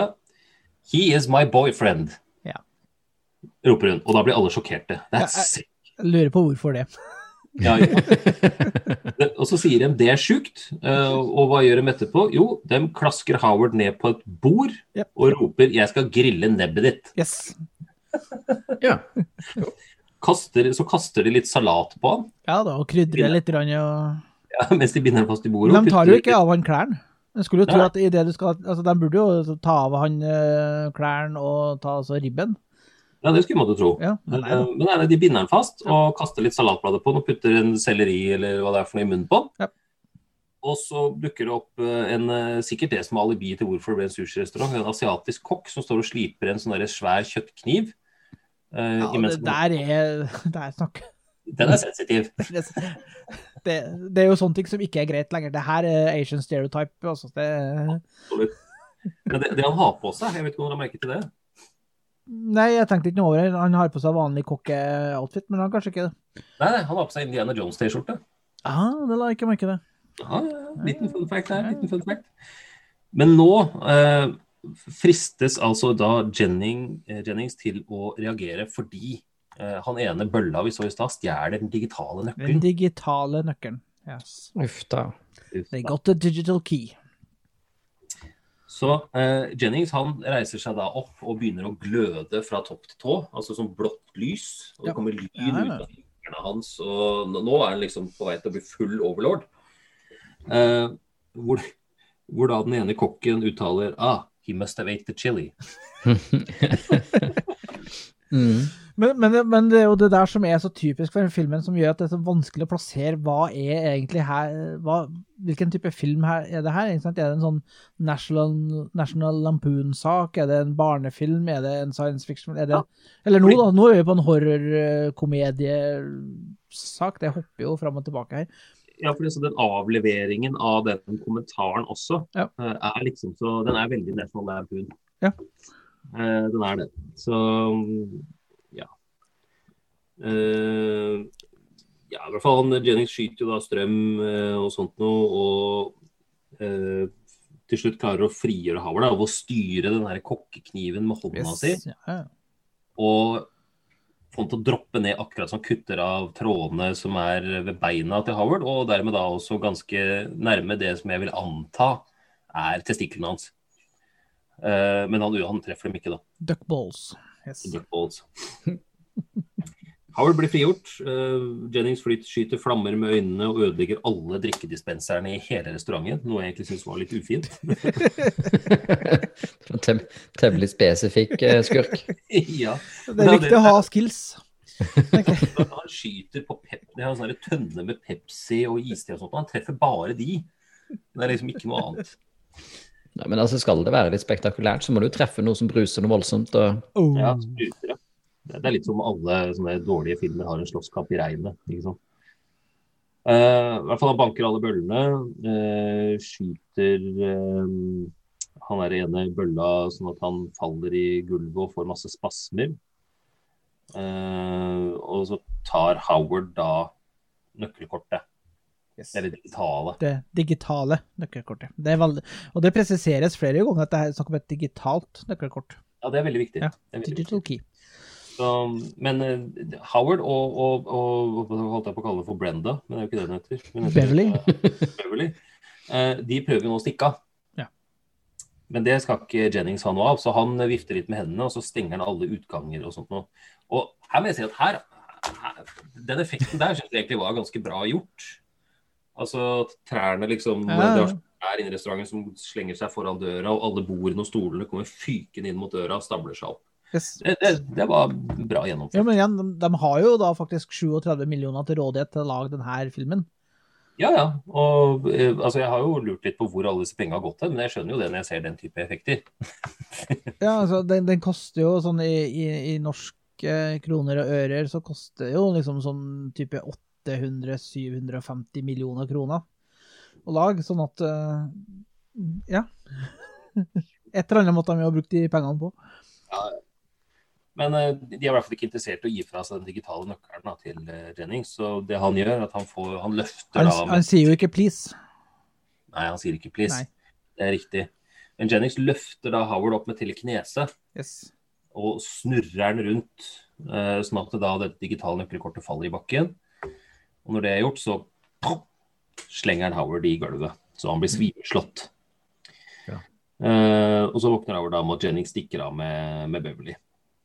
Og eh, klipper til at han stjeler en lastebil. En sånn god gammel sånn Optimus Prime-lastebil. Sånn snutebil, ja, ja. Ja, ja. Ordentlig, ordentlig lorry. Uh, forsøker å kjøre over Howard, som da har kommet seg ut av restauranten, men han kaster seg under hjulene. Og da finner vi ut hvorfor har egentlig Jennings nå tatt med seg eh, Beverly videre. Jo, det er fordi han trenger kroppen hennes til en annen Dark Overlord. Oi, skal jeg trodde det var fordi det var en viktig del av filmen. Ja, Ja. ja det også. Ja. Men han skal, ha, han skal ha en overlord til, da. Eh, og han ser virkelig ikke bra ut nå. Men hvorfor tar ikke han med seg flere overlords, eller folk? folk? Ja, for, ja, Det er kanskje vi, vi kommer jo til den problemstillinga senere, for så vidt, egentlig. da, for at, uh, ja. Ja, det er, det er et poeng. Ja. Det er et poeng. Uh, men det kan vi ta da. uh, det, altså, Jennings ser ikke bra ut i det hele tatt, og han eh, driver og svaier i setet, og han sier han trenger energi. Yes, I need power. Yes. Og, og Richard, når du sitter i en bil, og, og du har en dings eller et eller annet som er tom for strøm, eh, hvor er det du plugger den inn? Eh, USB-porten. Eh, 1986. Eh, da er det sigarettenneren. Helt riktig. Så hvordan eh, ville du anta at en eh, alien overlord eh, får energi av sigarettenneren eh, i en bil eller en lastebil i 1986? Eh, jeg vet ikke, det høres jo veldig lett ut. Gjør det det? Det? Det han i hvert fall gjør, da, det er at han eh, stikker ut en kjempelang, ekkel tunge og putter denne i sigaretthenderen. Nei, det var ikke det jeg ville gjort. Men denne Men kanskje det er, kanskje det er ladekabelen hans? det er USB-en hans. Ja. Ja, ladesnabelen. Adapteren. Ja. Ja. Men han har også en liten klo på enden av denne tunga uh, som kommer ut. Det er veldig, veldig, veldig snodig. Veldig 80-talls. Um, ja. Jeg tenkte jo at det der var kanskje noe helt annet enn tunge, men som jeg så det, men eh, det er en annen sak. Det, altså. Vi klipper tilbake til restauranten eh, hvor politiet har ankommet. Eh, Yes. Igjen, det har vært en slåsskamp og sitt. Ikke sant? Og det er jo den samme etterforskeren som var på industriulykka. Ja, altså, det, det slår meg. Altså, tilkaller du en detektiv eller en overordnet politimann for å undersøke et barslagsmål? Eh, Kanskje, hvis det involverer en utenomjordisk and og en evil dark overlord. Ja. Du tenker han er en kollega av Fox Mulder, eller eh, Ja. noe sånt, kanskje? Ja. ja, interessant. Um, I hvert fall, det, det vi ser her, er at Phil han er arrestert. Ja, av uvisst av hvilken grunn. Uvisst av hvilken grunn. Han sitter i hvert fall bak i den ene politibilen og oppdager uh, plutselig, da, når han sitter ute på denne parkeringsplassen, at døren, uh, altså, det ikke er noe dørhåndtak. Døren. Men eh, det han hører, er en lyd eh, fra barneavdelingen, holdt jeg på å si, eller barneparken, som er rett utenfor denne Ja, for der står det jo diverse sånn lekedyr og sånt noe. Ja, forskjellige gårdsdyr. Høner og, og en and. Og en and. Ja, En and, ja. Mm. ja nå begynner du å skjønne Nå, nå er du der, Rikard. Så Howard står da altså gjemmer seg blant alle disse barnelekene eh, og forklarer da greia til Phil. Og her kommer vi til liksom det punktet som jeg mener at de har bare eh, hatt potensialet til å ha en skikkelig morsom scene, og så har de bare kasta bort alt potensialet. Eh, de har en sånn dør-vindu-gag. Ja. Hvor altså da eh, Phil sitter inne og han har ikke noe dørhåndtak, ikke sant? Mm. Så sier han til Howard Howard, ta knus, knus ruta, så jeg kommer meg ut, liksom. Og så sier han ah, ruta, og så krabber han ut og åpner førervinduet, som er eh, litt lenger foran. Samtidig mens Howard sier ah, kan ikke bare prøve å åpne døra. Og så åpner han døra, og så er døra åpen. Og hele den sekvensen er jo bare over på noen få sekunder. Ja, og de kunne ha melka den mye bedre. Gjort det til mye mer. Ja, men Med tanke på hvor langt de drar ut enkelte andre scener, så ja. Ja. Altså, det, er mye, det maker mye mer sens å gjøre denne bra enn mange av disse andre scenene. Men i hvert fall så stikker de av. Og de finner et um, De spekulerer litt i hvordan skal vi komme oss av gårde. Skal vi stjele en politibil? Ah, det er litt, litt obvious, kanskje. Eh, hva, hva skal vi gjøre, liksom? Eh, jo, de stikker videre på parkeringsplassen og finner et sånt hobbyfly. Et mikrofly, rett og slett. Ja. Mikrofly, ja. Yes. Ja, naturligvis. Naturligvis. Og det, det jeg syns er veldig gøy her, er at de finner det mikroflyet, og Phil sier til eh, Howard at eh, gå og finn ei verktøykasse. Og så monterer de flyet. Ja. Og det, for det tar jo forbausende lang tid, og før politiet kommer etter dem det flyet. Monterer flyet ferdig. Og ved neste bilde så sitter altså da Howard ved spakene Ja. i dette flyet. Ja. Og, men Howard er heller ikke så veldig glad i å fly, for han påpeker vel noe sånt noe som at uh, hvis Gud ville at de skulle fly, så hadde han ikke tatt vingene deres. Så han er jo ikke, han er ikke keen på å drive altså fly eh, mikrofly. Nei, han er ikke, hva skal jeg si, øh, luftig anlagt. Det er han ikke. Og det her er jo starten på en lang, lang, lang skal vi si, duck hunt. Fryktelig unødvendig Det, scene. det, det, det tar så lang tid før den der jaktscenen er ferdig. Ja. Men øh, før vi kommer dit, da, øh, så skal vi jo en liten tur innom Jennings og, øh, og Beverly. Yes. Eh, fordi de, altså Lastebilen deres står nå utenfor et atomkraftverk, Richard. Fordi vi har Ja. sett at han har putta tunga inn i sigarettenneren. Eh, så vi Ladesnabelen. Altså, Så de vet at han trenger energi. Og det de altså nå er da på, eh, eller bare Jennings, da, for Beverly, hun ligger jo da knytta ja, ikke sant? Beverly ligger nå knytta sammen inne i bagasjerommet, eller eh, hva det nå er for noe, på den der lastebilen, med veldig avanserte knuter. Yes. Ja, ja. Sånn ordentlig bondage-knuter. Jennings eh, har vært speider. Ja, Han har vært speider, ja. Er helt, ja. Eller noe annet, kanskje. Jeg vet ikke. Men i hvert fall, Jennings er da inne og har en eh, tour av dette atomkraftverket. Og så stopper de utafor reaktoren, som jeg syns også er en veldig fin scene. hvor Reaktoren er basically bare et, eh, et, et, et rom med en liten glassplate foran. Mm, ja. Og han får beskjed om at her produserer vi én million kilowatt. En En Million. million kilowatt. Er det mye? Jeg har ikke anelse om hvor mye jeg produserer et kjernekraftverk. Er det For meg så hørtes det litt ut som når man på 80-tallet sa at ja, denne greia her har 256 kilobit uh, kilobyte minne. Ja. ja, ikke sant. Men eh, uansett, da. Ja, den har det, og han, eh, dette skal han ha en piece of, så han skyter jo da i stykker dette glasset og et gitter som kommer fallende etterpå, og sprader bare inn i reaktoren. yes. As you do. As you do. When you're an evil overlord, you do. Um, men uh, altså, så klipper vi tilbake til Beverly, som har klart å komme seg ut av den bondage-knuta si. Uh, men samtidig så kommer da selvfølgelig Jennings inn i bilen igjen og gløder nå rødt og blått. Men, men uh, bare nå er det mulig at jeg har datt litt av hvor, når ting skjer og sånne ting her. Men er det ikke en sek... Når er de blir stoppa i den der kontrollen? Er det etterpå? Det er etterpå. Ja, greit. Etterpå. Yes. Eh, men nå kommer vi da til eh, denne litt eh, langt eh, uttrukne andejaktsekvensen. Eh, for- det viser seg jo at Howard han kan virkelig ikke fly. Nei, og det viser seg òg at det mikroflyet det har jo en del interessante begrensninger. For det første så kan det jo ikke fly mer enn et par-tre meter over eh, Altså opp i lufta. Og det må òg da tydeligvis fly stort sett langs en vei. Det må det. Mm. Fordi eh, altså det, det, det er mye der sånn som virkelig ikke stemmer, vil jeg si. Og det, ja. Eh, vi ender jo opp da med masse sånn fram og tilbake og fly opp og ned og nesten treffe biler og skilt og sånt. Ja, Opptil flere ganger. ja.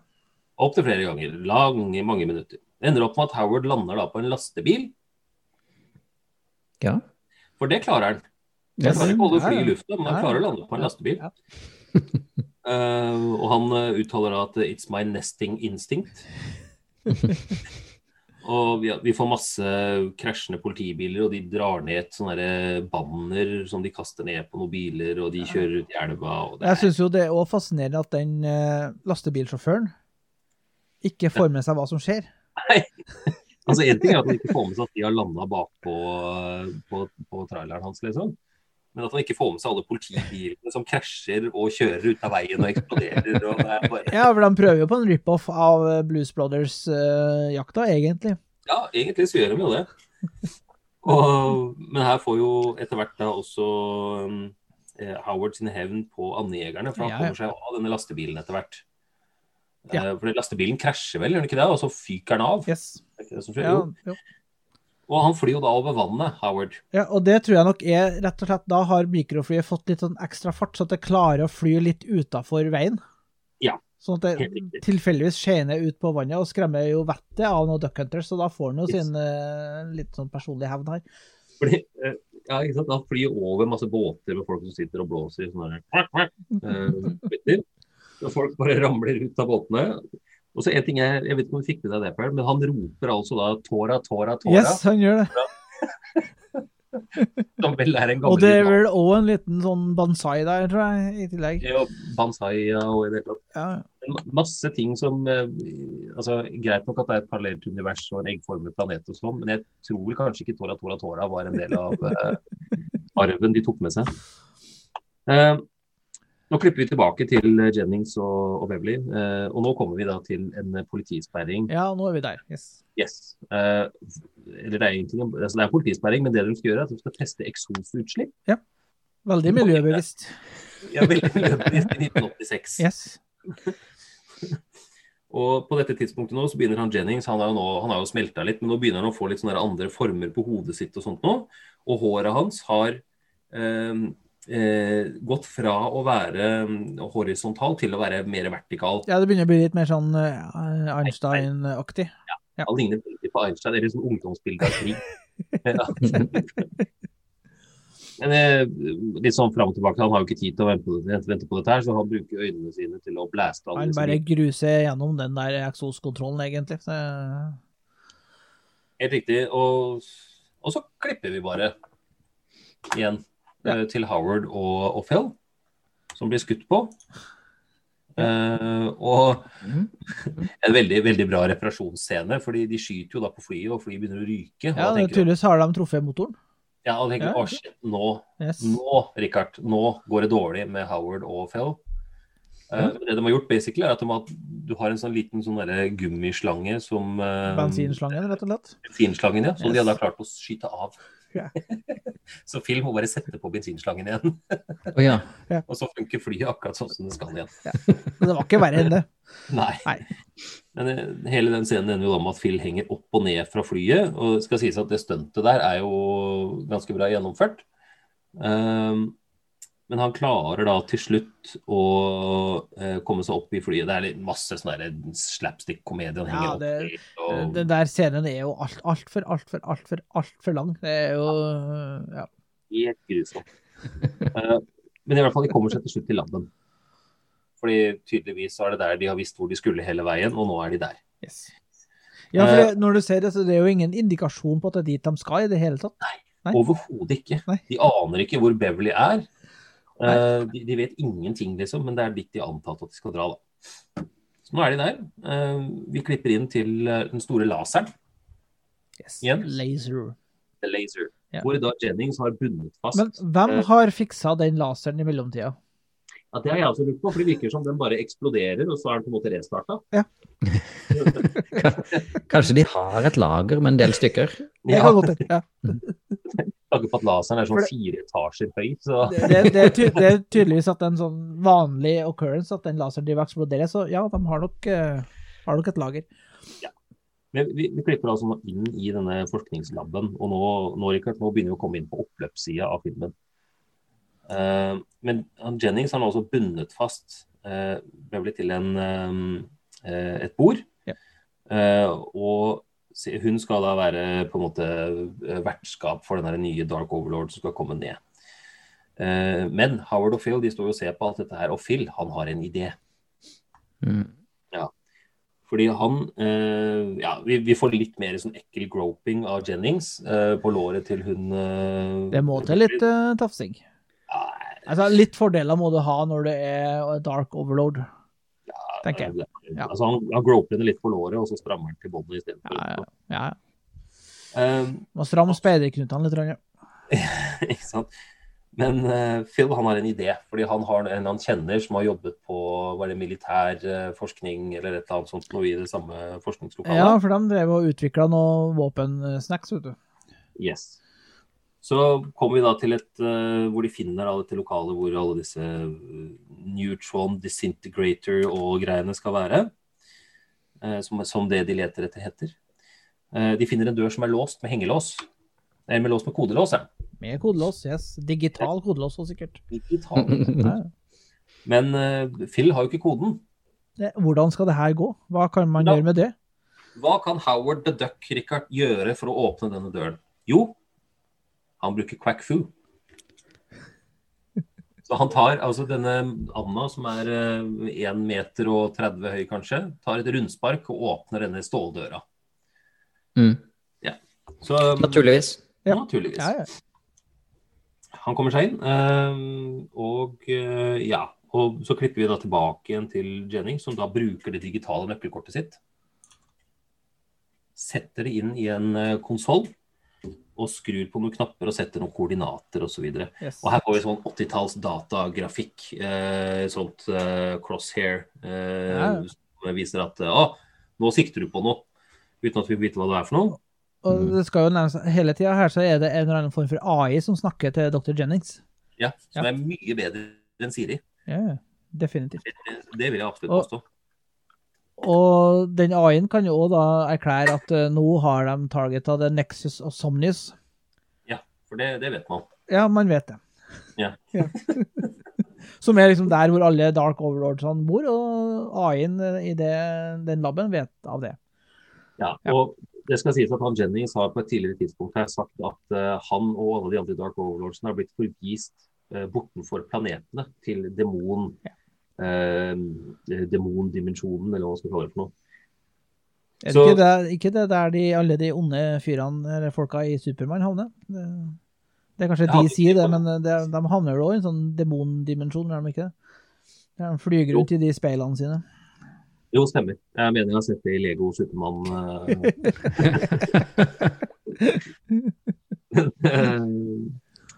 Eh, I hvert fall. Eh, så, men nå, nå har jo altså Howard og, og Phil de, har- de har funnet denne neutron disintegrator-saken. Det er supergun. Supergun, som tydeligvis er montert på en sånn uh, Hvis du har sett sånne flyplassbiler, Richard, som, de, som de kjører folk som er dårlige til beins på? Mm. Ja, den er montert på en sånn en.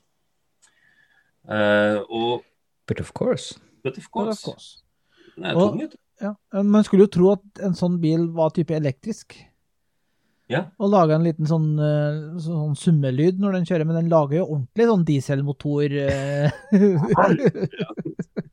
Men Howard får her da beskjed om å være stille. Men det, eh, vi som kjenner Howard litt nå etter snart en og en halv time med film, vi vet jo det at stille og forsiktig er ikke hans game. Nei, det er ikke hans greie, vet. Nei, så han trykker jo på feil knapp og sender av gårde denne bilen på en sånn rampage innover i hele forskningslokalet. uh, og, og nå oppdager da Beverly at uh, Howard og Phil er der, så hun roper uh, Hurry up, Howard. He's in a bad mood. Om Jennings. Ja. Og, ja. Slight understatement. Slight understatement. Og så krasjer denne bilen, og de står og prøver å finne ut av hvordan skal vi få sikta den her på, på, på Jennings. Og de, de somler jo fælt med dette, da, så Jennings han rekker jo nå å begynne å skulle skyte sånne stråler fra fingrene sine på Howard og, og Phil. Men Phil tar jo da selvfølgelig imot strålen Ja. med en parabol Ja. Ja, ja. Og skyter tilbake. ja, men det er jo relativt snartenkt, tenker jeg jo da, Phil. Veldig, veldig forskeraktig. Veldig forskeraktig. Eh, og eksploderer da og, og sånt noe. Og så kommer da til slutt Howard the Duck seg opp i den der bilen og får ikke starta den igjen. Eh, og, og Phil han er jo nå litt grilla, han også, stakkar. Så Ja. håret hans står rett opp, som jo er måten folk blir grilla på i den filmen her. Eh, men den starter ikke. Eh, og så sier Phil til han ja, du må ta på deg belte. Så tar han på seg belte, og da starter han. Og dette var jo tydeligvis ikke et krav. Det var ikke et krav for bare to minutter siden, når denne bilen kjørte rundt som en tulling i, i lokalet. Det var vel en eller annen eh, sånn eh, health and safety-protokoll som eh, kicka inn idet den krasja, da, sikkert. Ja, helt sikkert. Nå har du krasja én gang, nå får du ikke lov å kjøre uten belte. Nei, ikke sant. Nå har du to prikker på førerkortet. Nå det belte. Og, og, og her, så plutselig, sånn helt uten noe særlig forvarsel, så klipper vi da til en sånn spagetti-western. Yes. Eh, altså, Dun, dun, dun, dun. ikke sant? Altså, de filmer litt sånn bak i hoftehøyde på Ja, Jennings med labfrakken sin, så det ser litt ut som The Good, The Bad, The Ugly. Ikke sant? Når de skal ha Yes. duell i solnedgangen. Mhm, Må jo ha en sånn referanse. Veldig viktig. Og Jennings bytter litt syre på gulvet og, og sånt noe. Veldig lekkert. Og um, Howard uttaler 'prepare to eat beak'. Så, så skyter de da strålene mot hverandre, som da selvfølgelig møtes på midten og presser litt sånn Ja, eh, så classic. ja.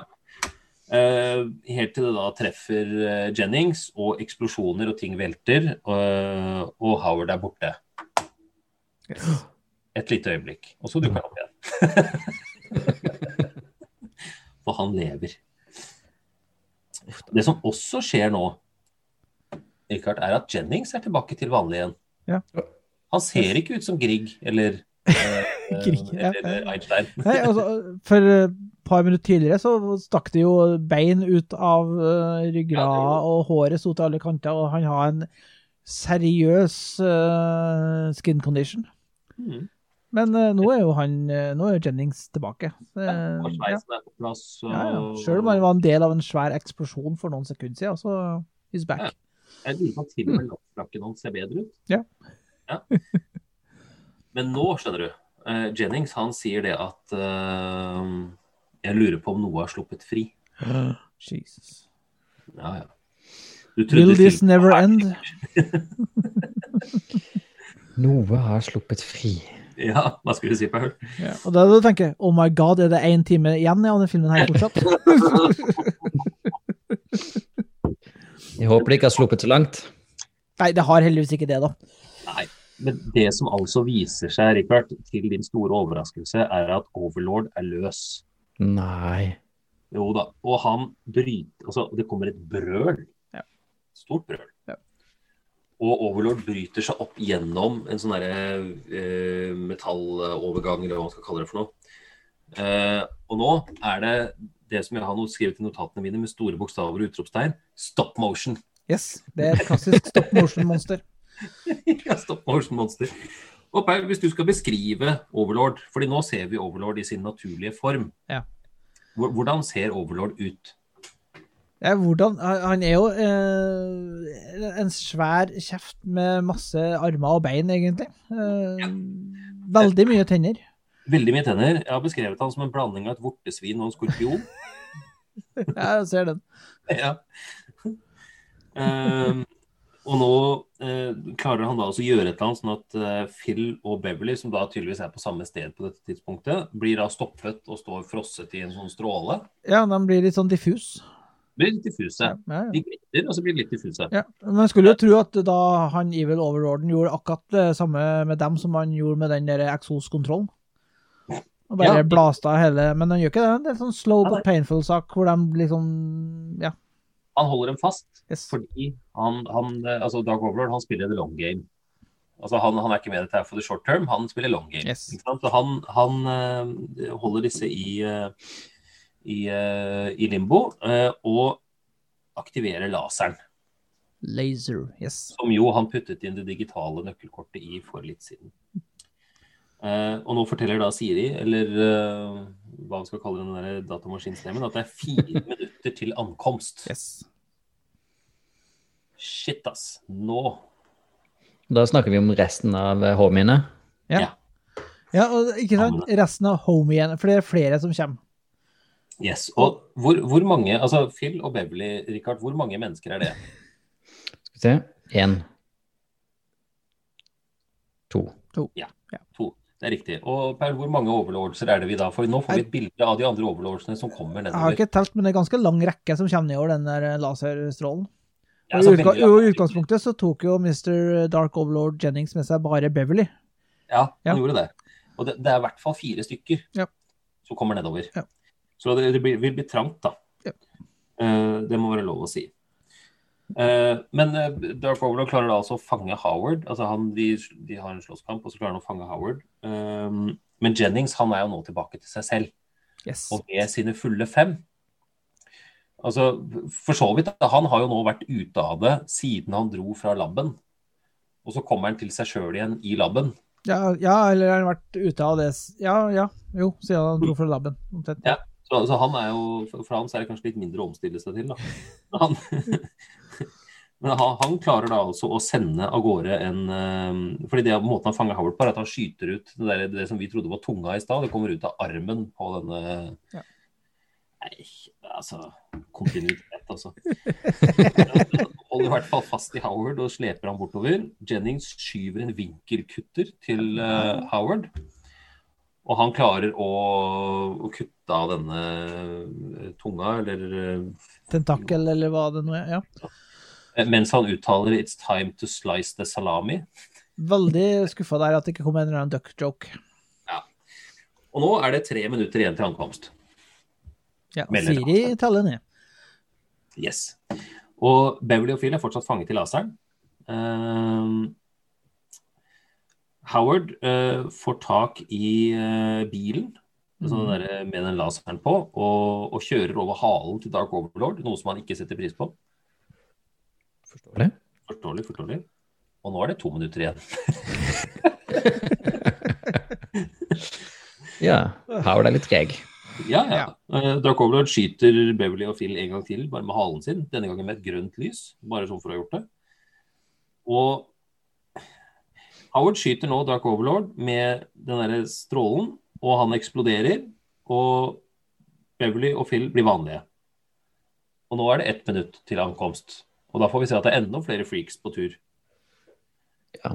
Uh, vi må ødelegge maskinen, sier Beverly. Men da kommer ikke Howard hjem. Nei, nei, ikke sant. Og dette er jo selvfølgelig et dilemma for Howard. Men hvorfor ber ikke Jennings bare Siri om å stoppe laseren? OK, Siri, please. Stop, Stop the laser. Stop the Stopp stop avspilling. Yeah. Please stop the movie. Det er tydelig at den kommandoen har ikke blitt lagt inn. da. Nei da, for de må da tydeligvis ta og nuke hele jævla laseren. Ja, ikke sant? Fordi Det som da skjer, er at Howard han ofrer seg og ødelegger laseren. Han Yes. plukker opp den herre uh, Neutron blaster. Yes. putter den på skulderen sin i ren Rambo-stil og blåser hele laseren eh, til Kingdom Come. Ja. Eh, og nå, Richard er det... Du bare ventet til laseren eksploderte av seg selv, for det gjør den tydeligvis hele tiden. Ja, Det er som regel av seg selv etter at noe har kommet ut i andre enden. da. Ja, ja. ja, ja. Ja. Details. Men, men spørsmålet nå, Richard, er er Howard død? Fordi han ligger nå Han, han, han ser, ligger nå ja. pent dandert utover uh, masse ruiner. Litt som en sånn uh, crispy duck. ah, Lurer på om de er flink til å lage den på Cajun and Sushi-plassen. det har jeg for så vidt en helt en eh, egen tirade om, men det kan vi ta senere. Um, uh, Howard, uh, han er ikke død. Nei. Det var Men det jeg gjettet. Han klarer ikke å la være å late som eh, han er Dark Overlord. nei, han gjør ikke det. Sier han, og så hoster han litt, og så sier han åh, all denne røyken kødder med bihulene mine. Og så bare kutter vi Rått og brutalt. Rått og brutalt Yes. til en konsert Ja. med Cherry Bomb. Yes. Ok, så vi er nå er ferdig. Vi er ferdige nå. Nå er ja. Og nå er vi på en konsert, og de, de spiller ikke lenger på det der dumpen som de har spilt på. Nei, er det, det, sta det ser ut som en stadionkonsert, egentlig. de gjør rett og slett det. Ja, Og folk står og danser, og det er en uh, funky låt. Og, Ja, da, og han godeste Filsy, han har jo blitt en eller annen form for uh, roadie. Ja, han er stagehand liksom, Ja. På bak scenen der. Og så, men det vi må få vite, er at de har laga en ny sang som de dedikerer til sin nye manager, Yes. Howard the Duck. yes. Og det heter også låta, som vi har hørt en liten snipp av eh, tidligere, eh, som er veldig catchy. Nemlig. Great funk, don't feel it. Ja. Men, det, men jeg tenker, det er jo ikke noe tvil om at den der låta var laga for at uh, hvis filmen ble en hit, så skulle den òg være en hit. Den er jo Vi har vært inne på det tidligere, Andreas. eh, Soundtracket er jo egentlig ganske bra. ja, soundtracket er Ja. kanskje det beste med filmen. Ja, ja. Det skal ikke så mye til, da. Det skal ikke så mye til. Eh, men, og, og det er basically filmen. Altså de, de hva på si, tuller litt rundt med at han Phil skal senke ned et egg eh, på scenen, og så kommer Howard på scenen og spiller gitar. I reneste Martin McFly-stil. Ja, ja. Det er for, for hun eh, Beverly så må det nesten det der være en flashback, Ja, Jeg vil jo tro det. egentlig. Ja, hva er det han sier for noe i Tilbake til fremtiden? da? Det er uh, You might not be ready for it, but your kids are gonna love it. Yes. Men, jeg, Ja. men jeg tenker jo, hun Beverly altså hun, som, hun må jo ha en sånn litt sånn rar seksuell orientering. Altså, for det første, Tilbake til fremtiden så prøver hun liksom å legge an på sin egen sønn. Ja. Og nå i Howard the Duck så går vi for uh, dyreriket. Ja, jeg har ikke sett Høyestommer 3D, som hun også er med i. Nei, det har ikke jeg heller. Men uh, vi, vi, kan, vi kan jo bare ane hva som er greia der.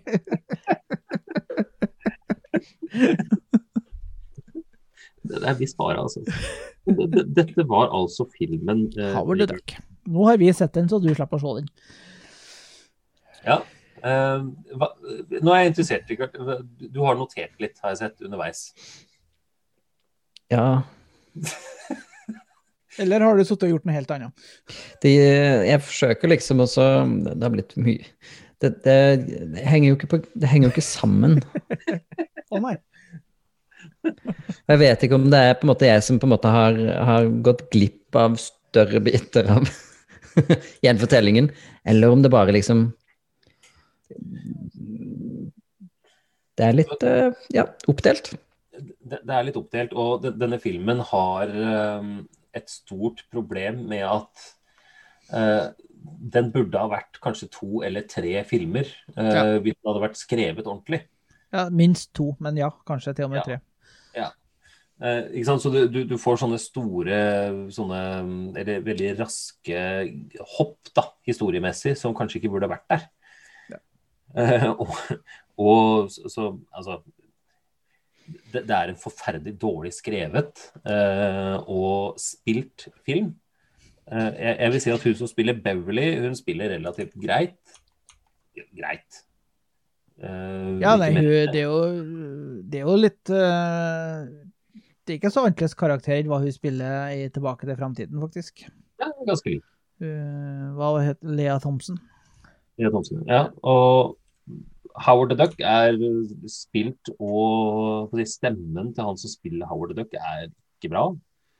Eh, Howard the Duck er jo spilt av Ed uh, Gale. eh, jeg vet ikke hvor mye han har kjent Han har vel noen greier i eh, i Chucky, tror jeg. Charles Play. Ja. jeg, jeg lurer på om han spiller en del sånne eh, monsterroller i forskjellige filmer. Ja. Eh, men det, det skal jeg si, eh, eh, ut ifra hva du har hørt nå, eh, frister det å se filmen?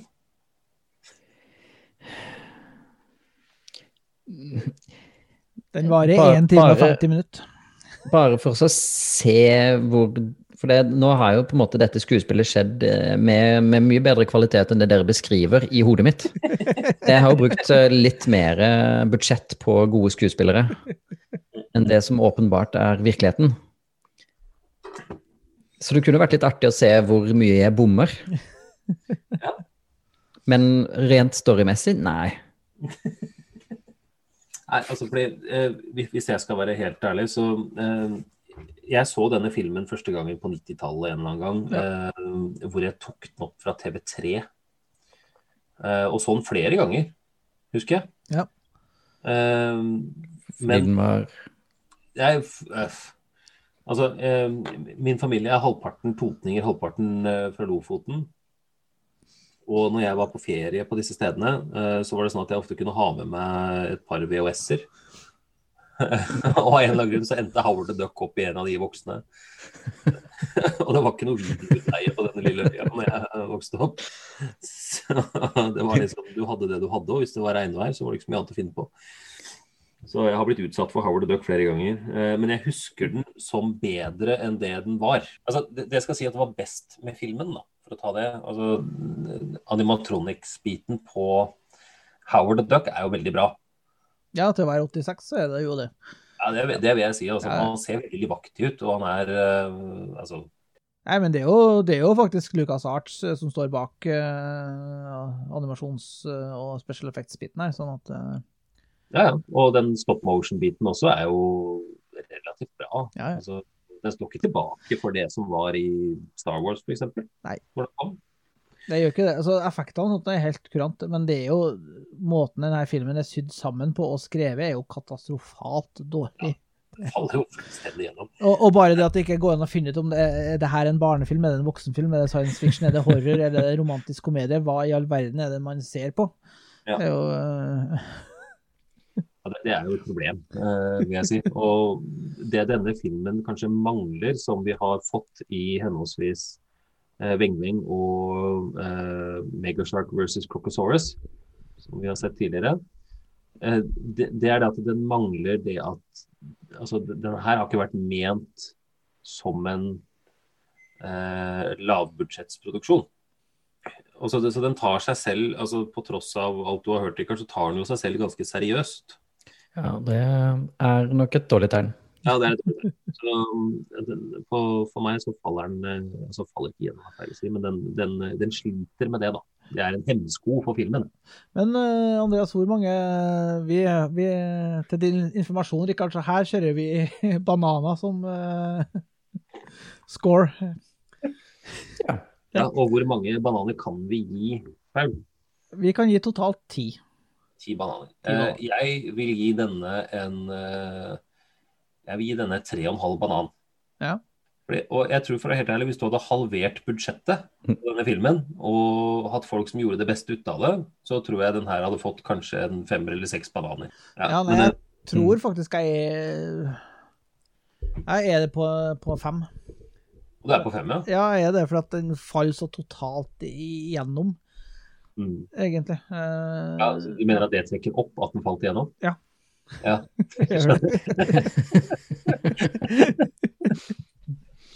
Nei, jeg ser den. Fordi, så igjen, de hadde jo altså, det, det er liksom flere ting her. fordi De hadde alle muligheter til å kunne gjøre dette til en fryktelig festlig film, egentlig. Og så, og så gjorde de liksom sånn De gjorde det innimellom. Og så tenkte de at de skulle være litt seriøse, og så skulle de ha en romantisk interesse.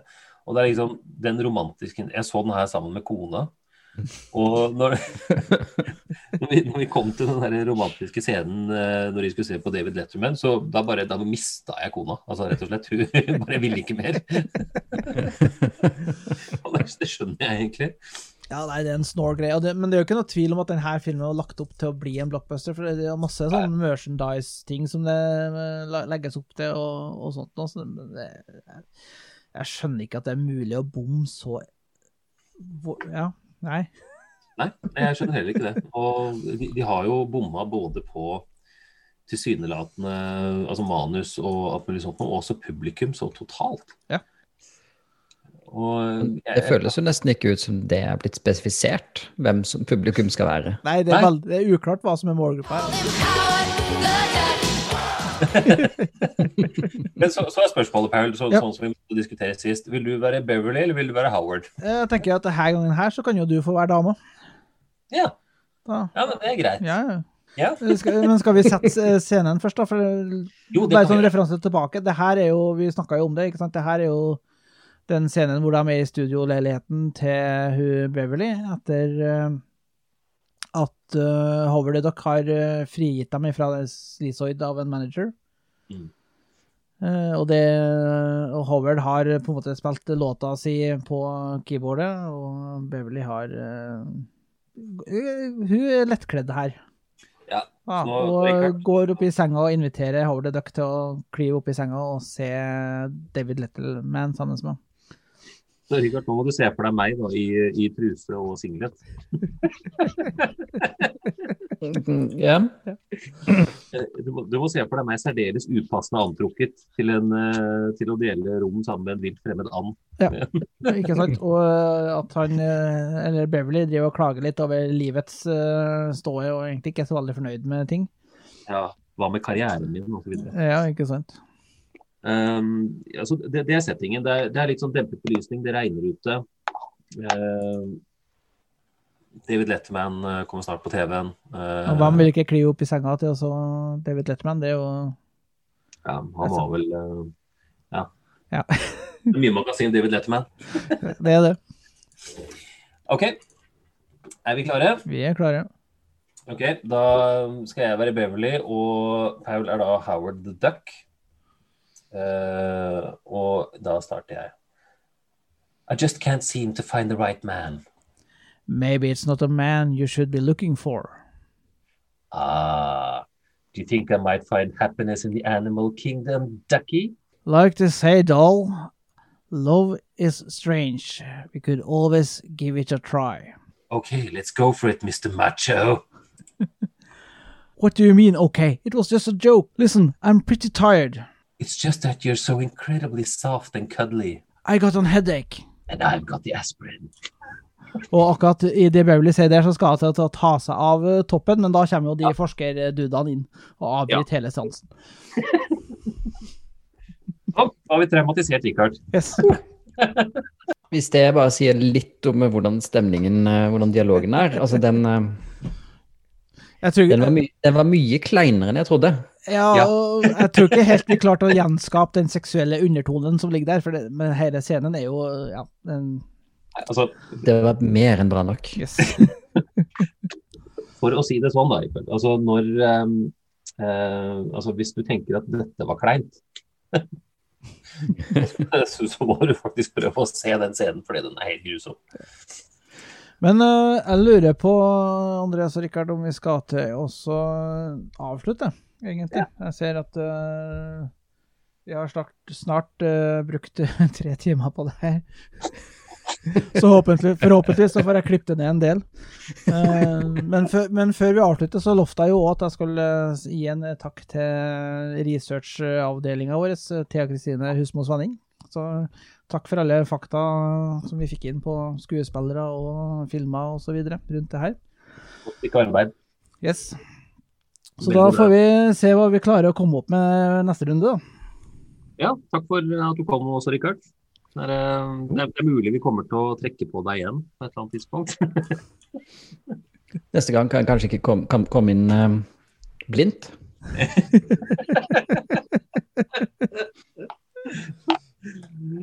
Vi får se. Vi får se. Yes, yes. Nei, men da tror jeg vi takker for oss. Ha det. Hyggelig. Get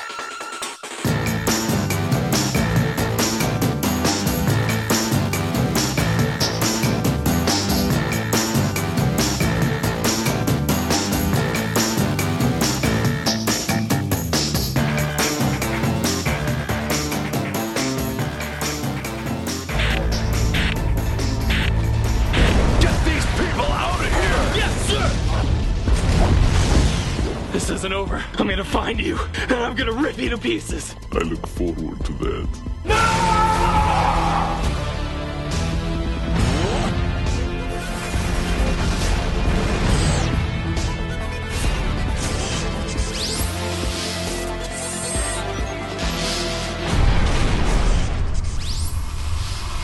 My name is Manborg. Daimon. Your power is beyond anything the world has ever seen. I want that man! Bonk! I've got a score to settle. Let the games begin! Sorry for crashing your patty. I'd rather be dead. We have so much in common. You're obsolete. The power of the human spirit will never be obsolete. No dancing. Or we're all dead. Oh, you look forward to being pulled apart piece by piece? Yeah, right. Yes, super great. It's not about the killing. It's about family.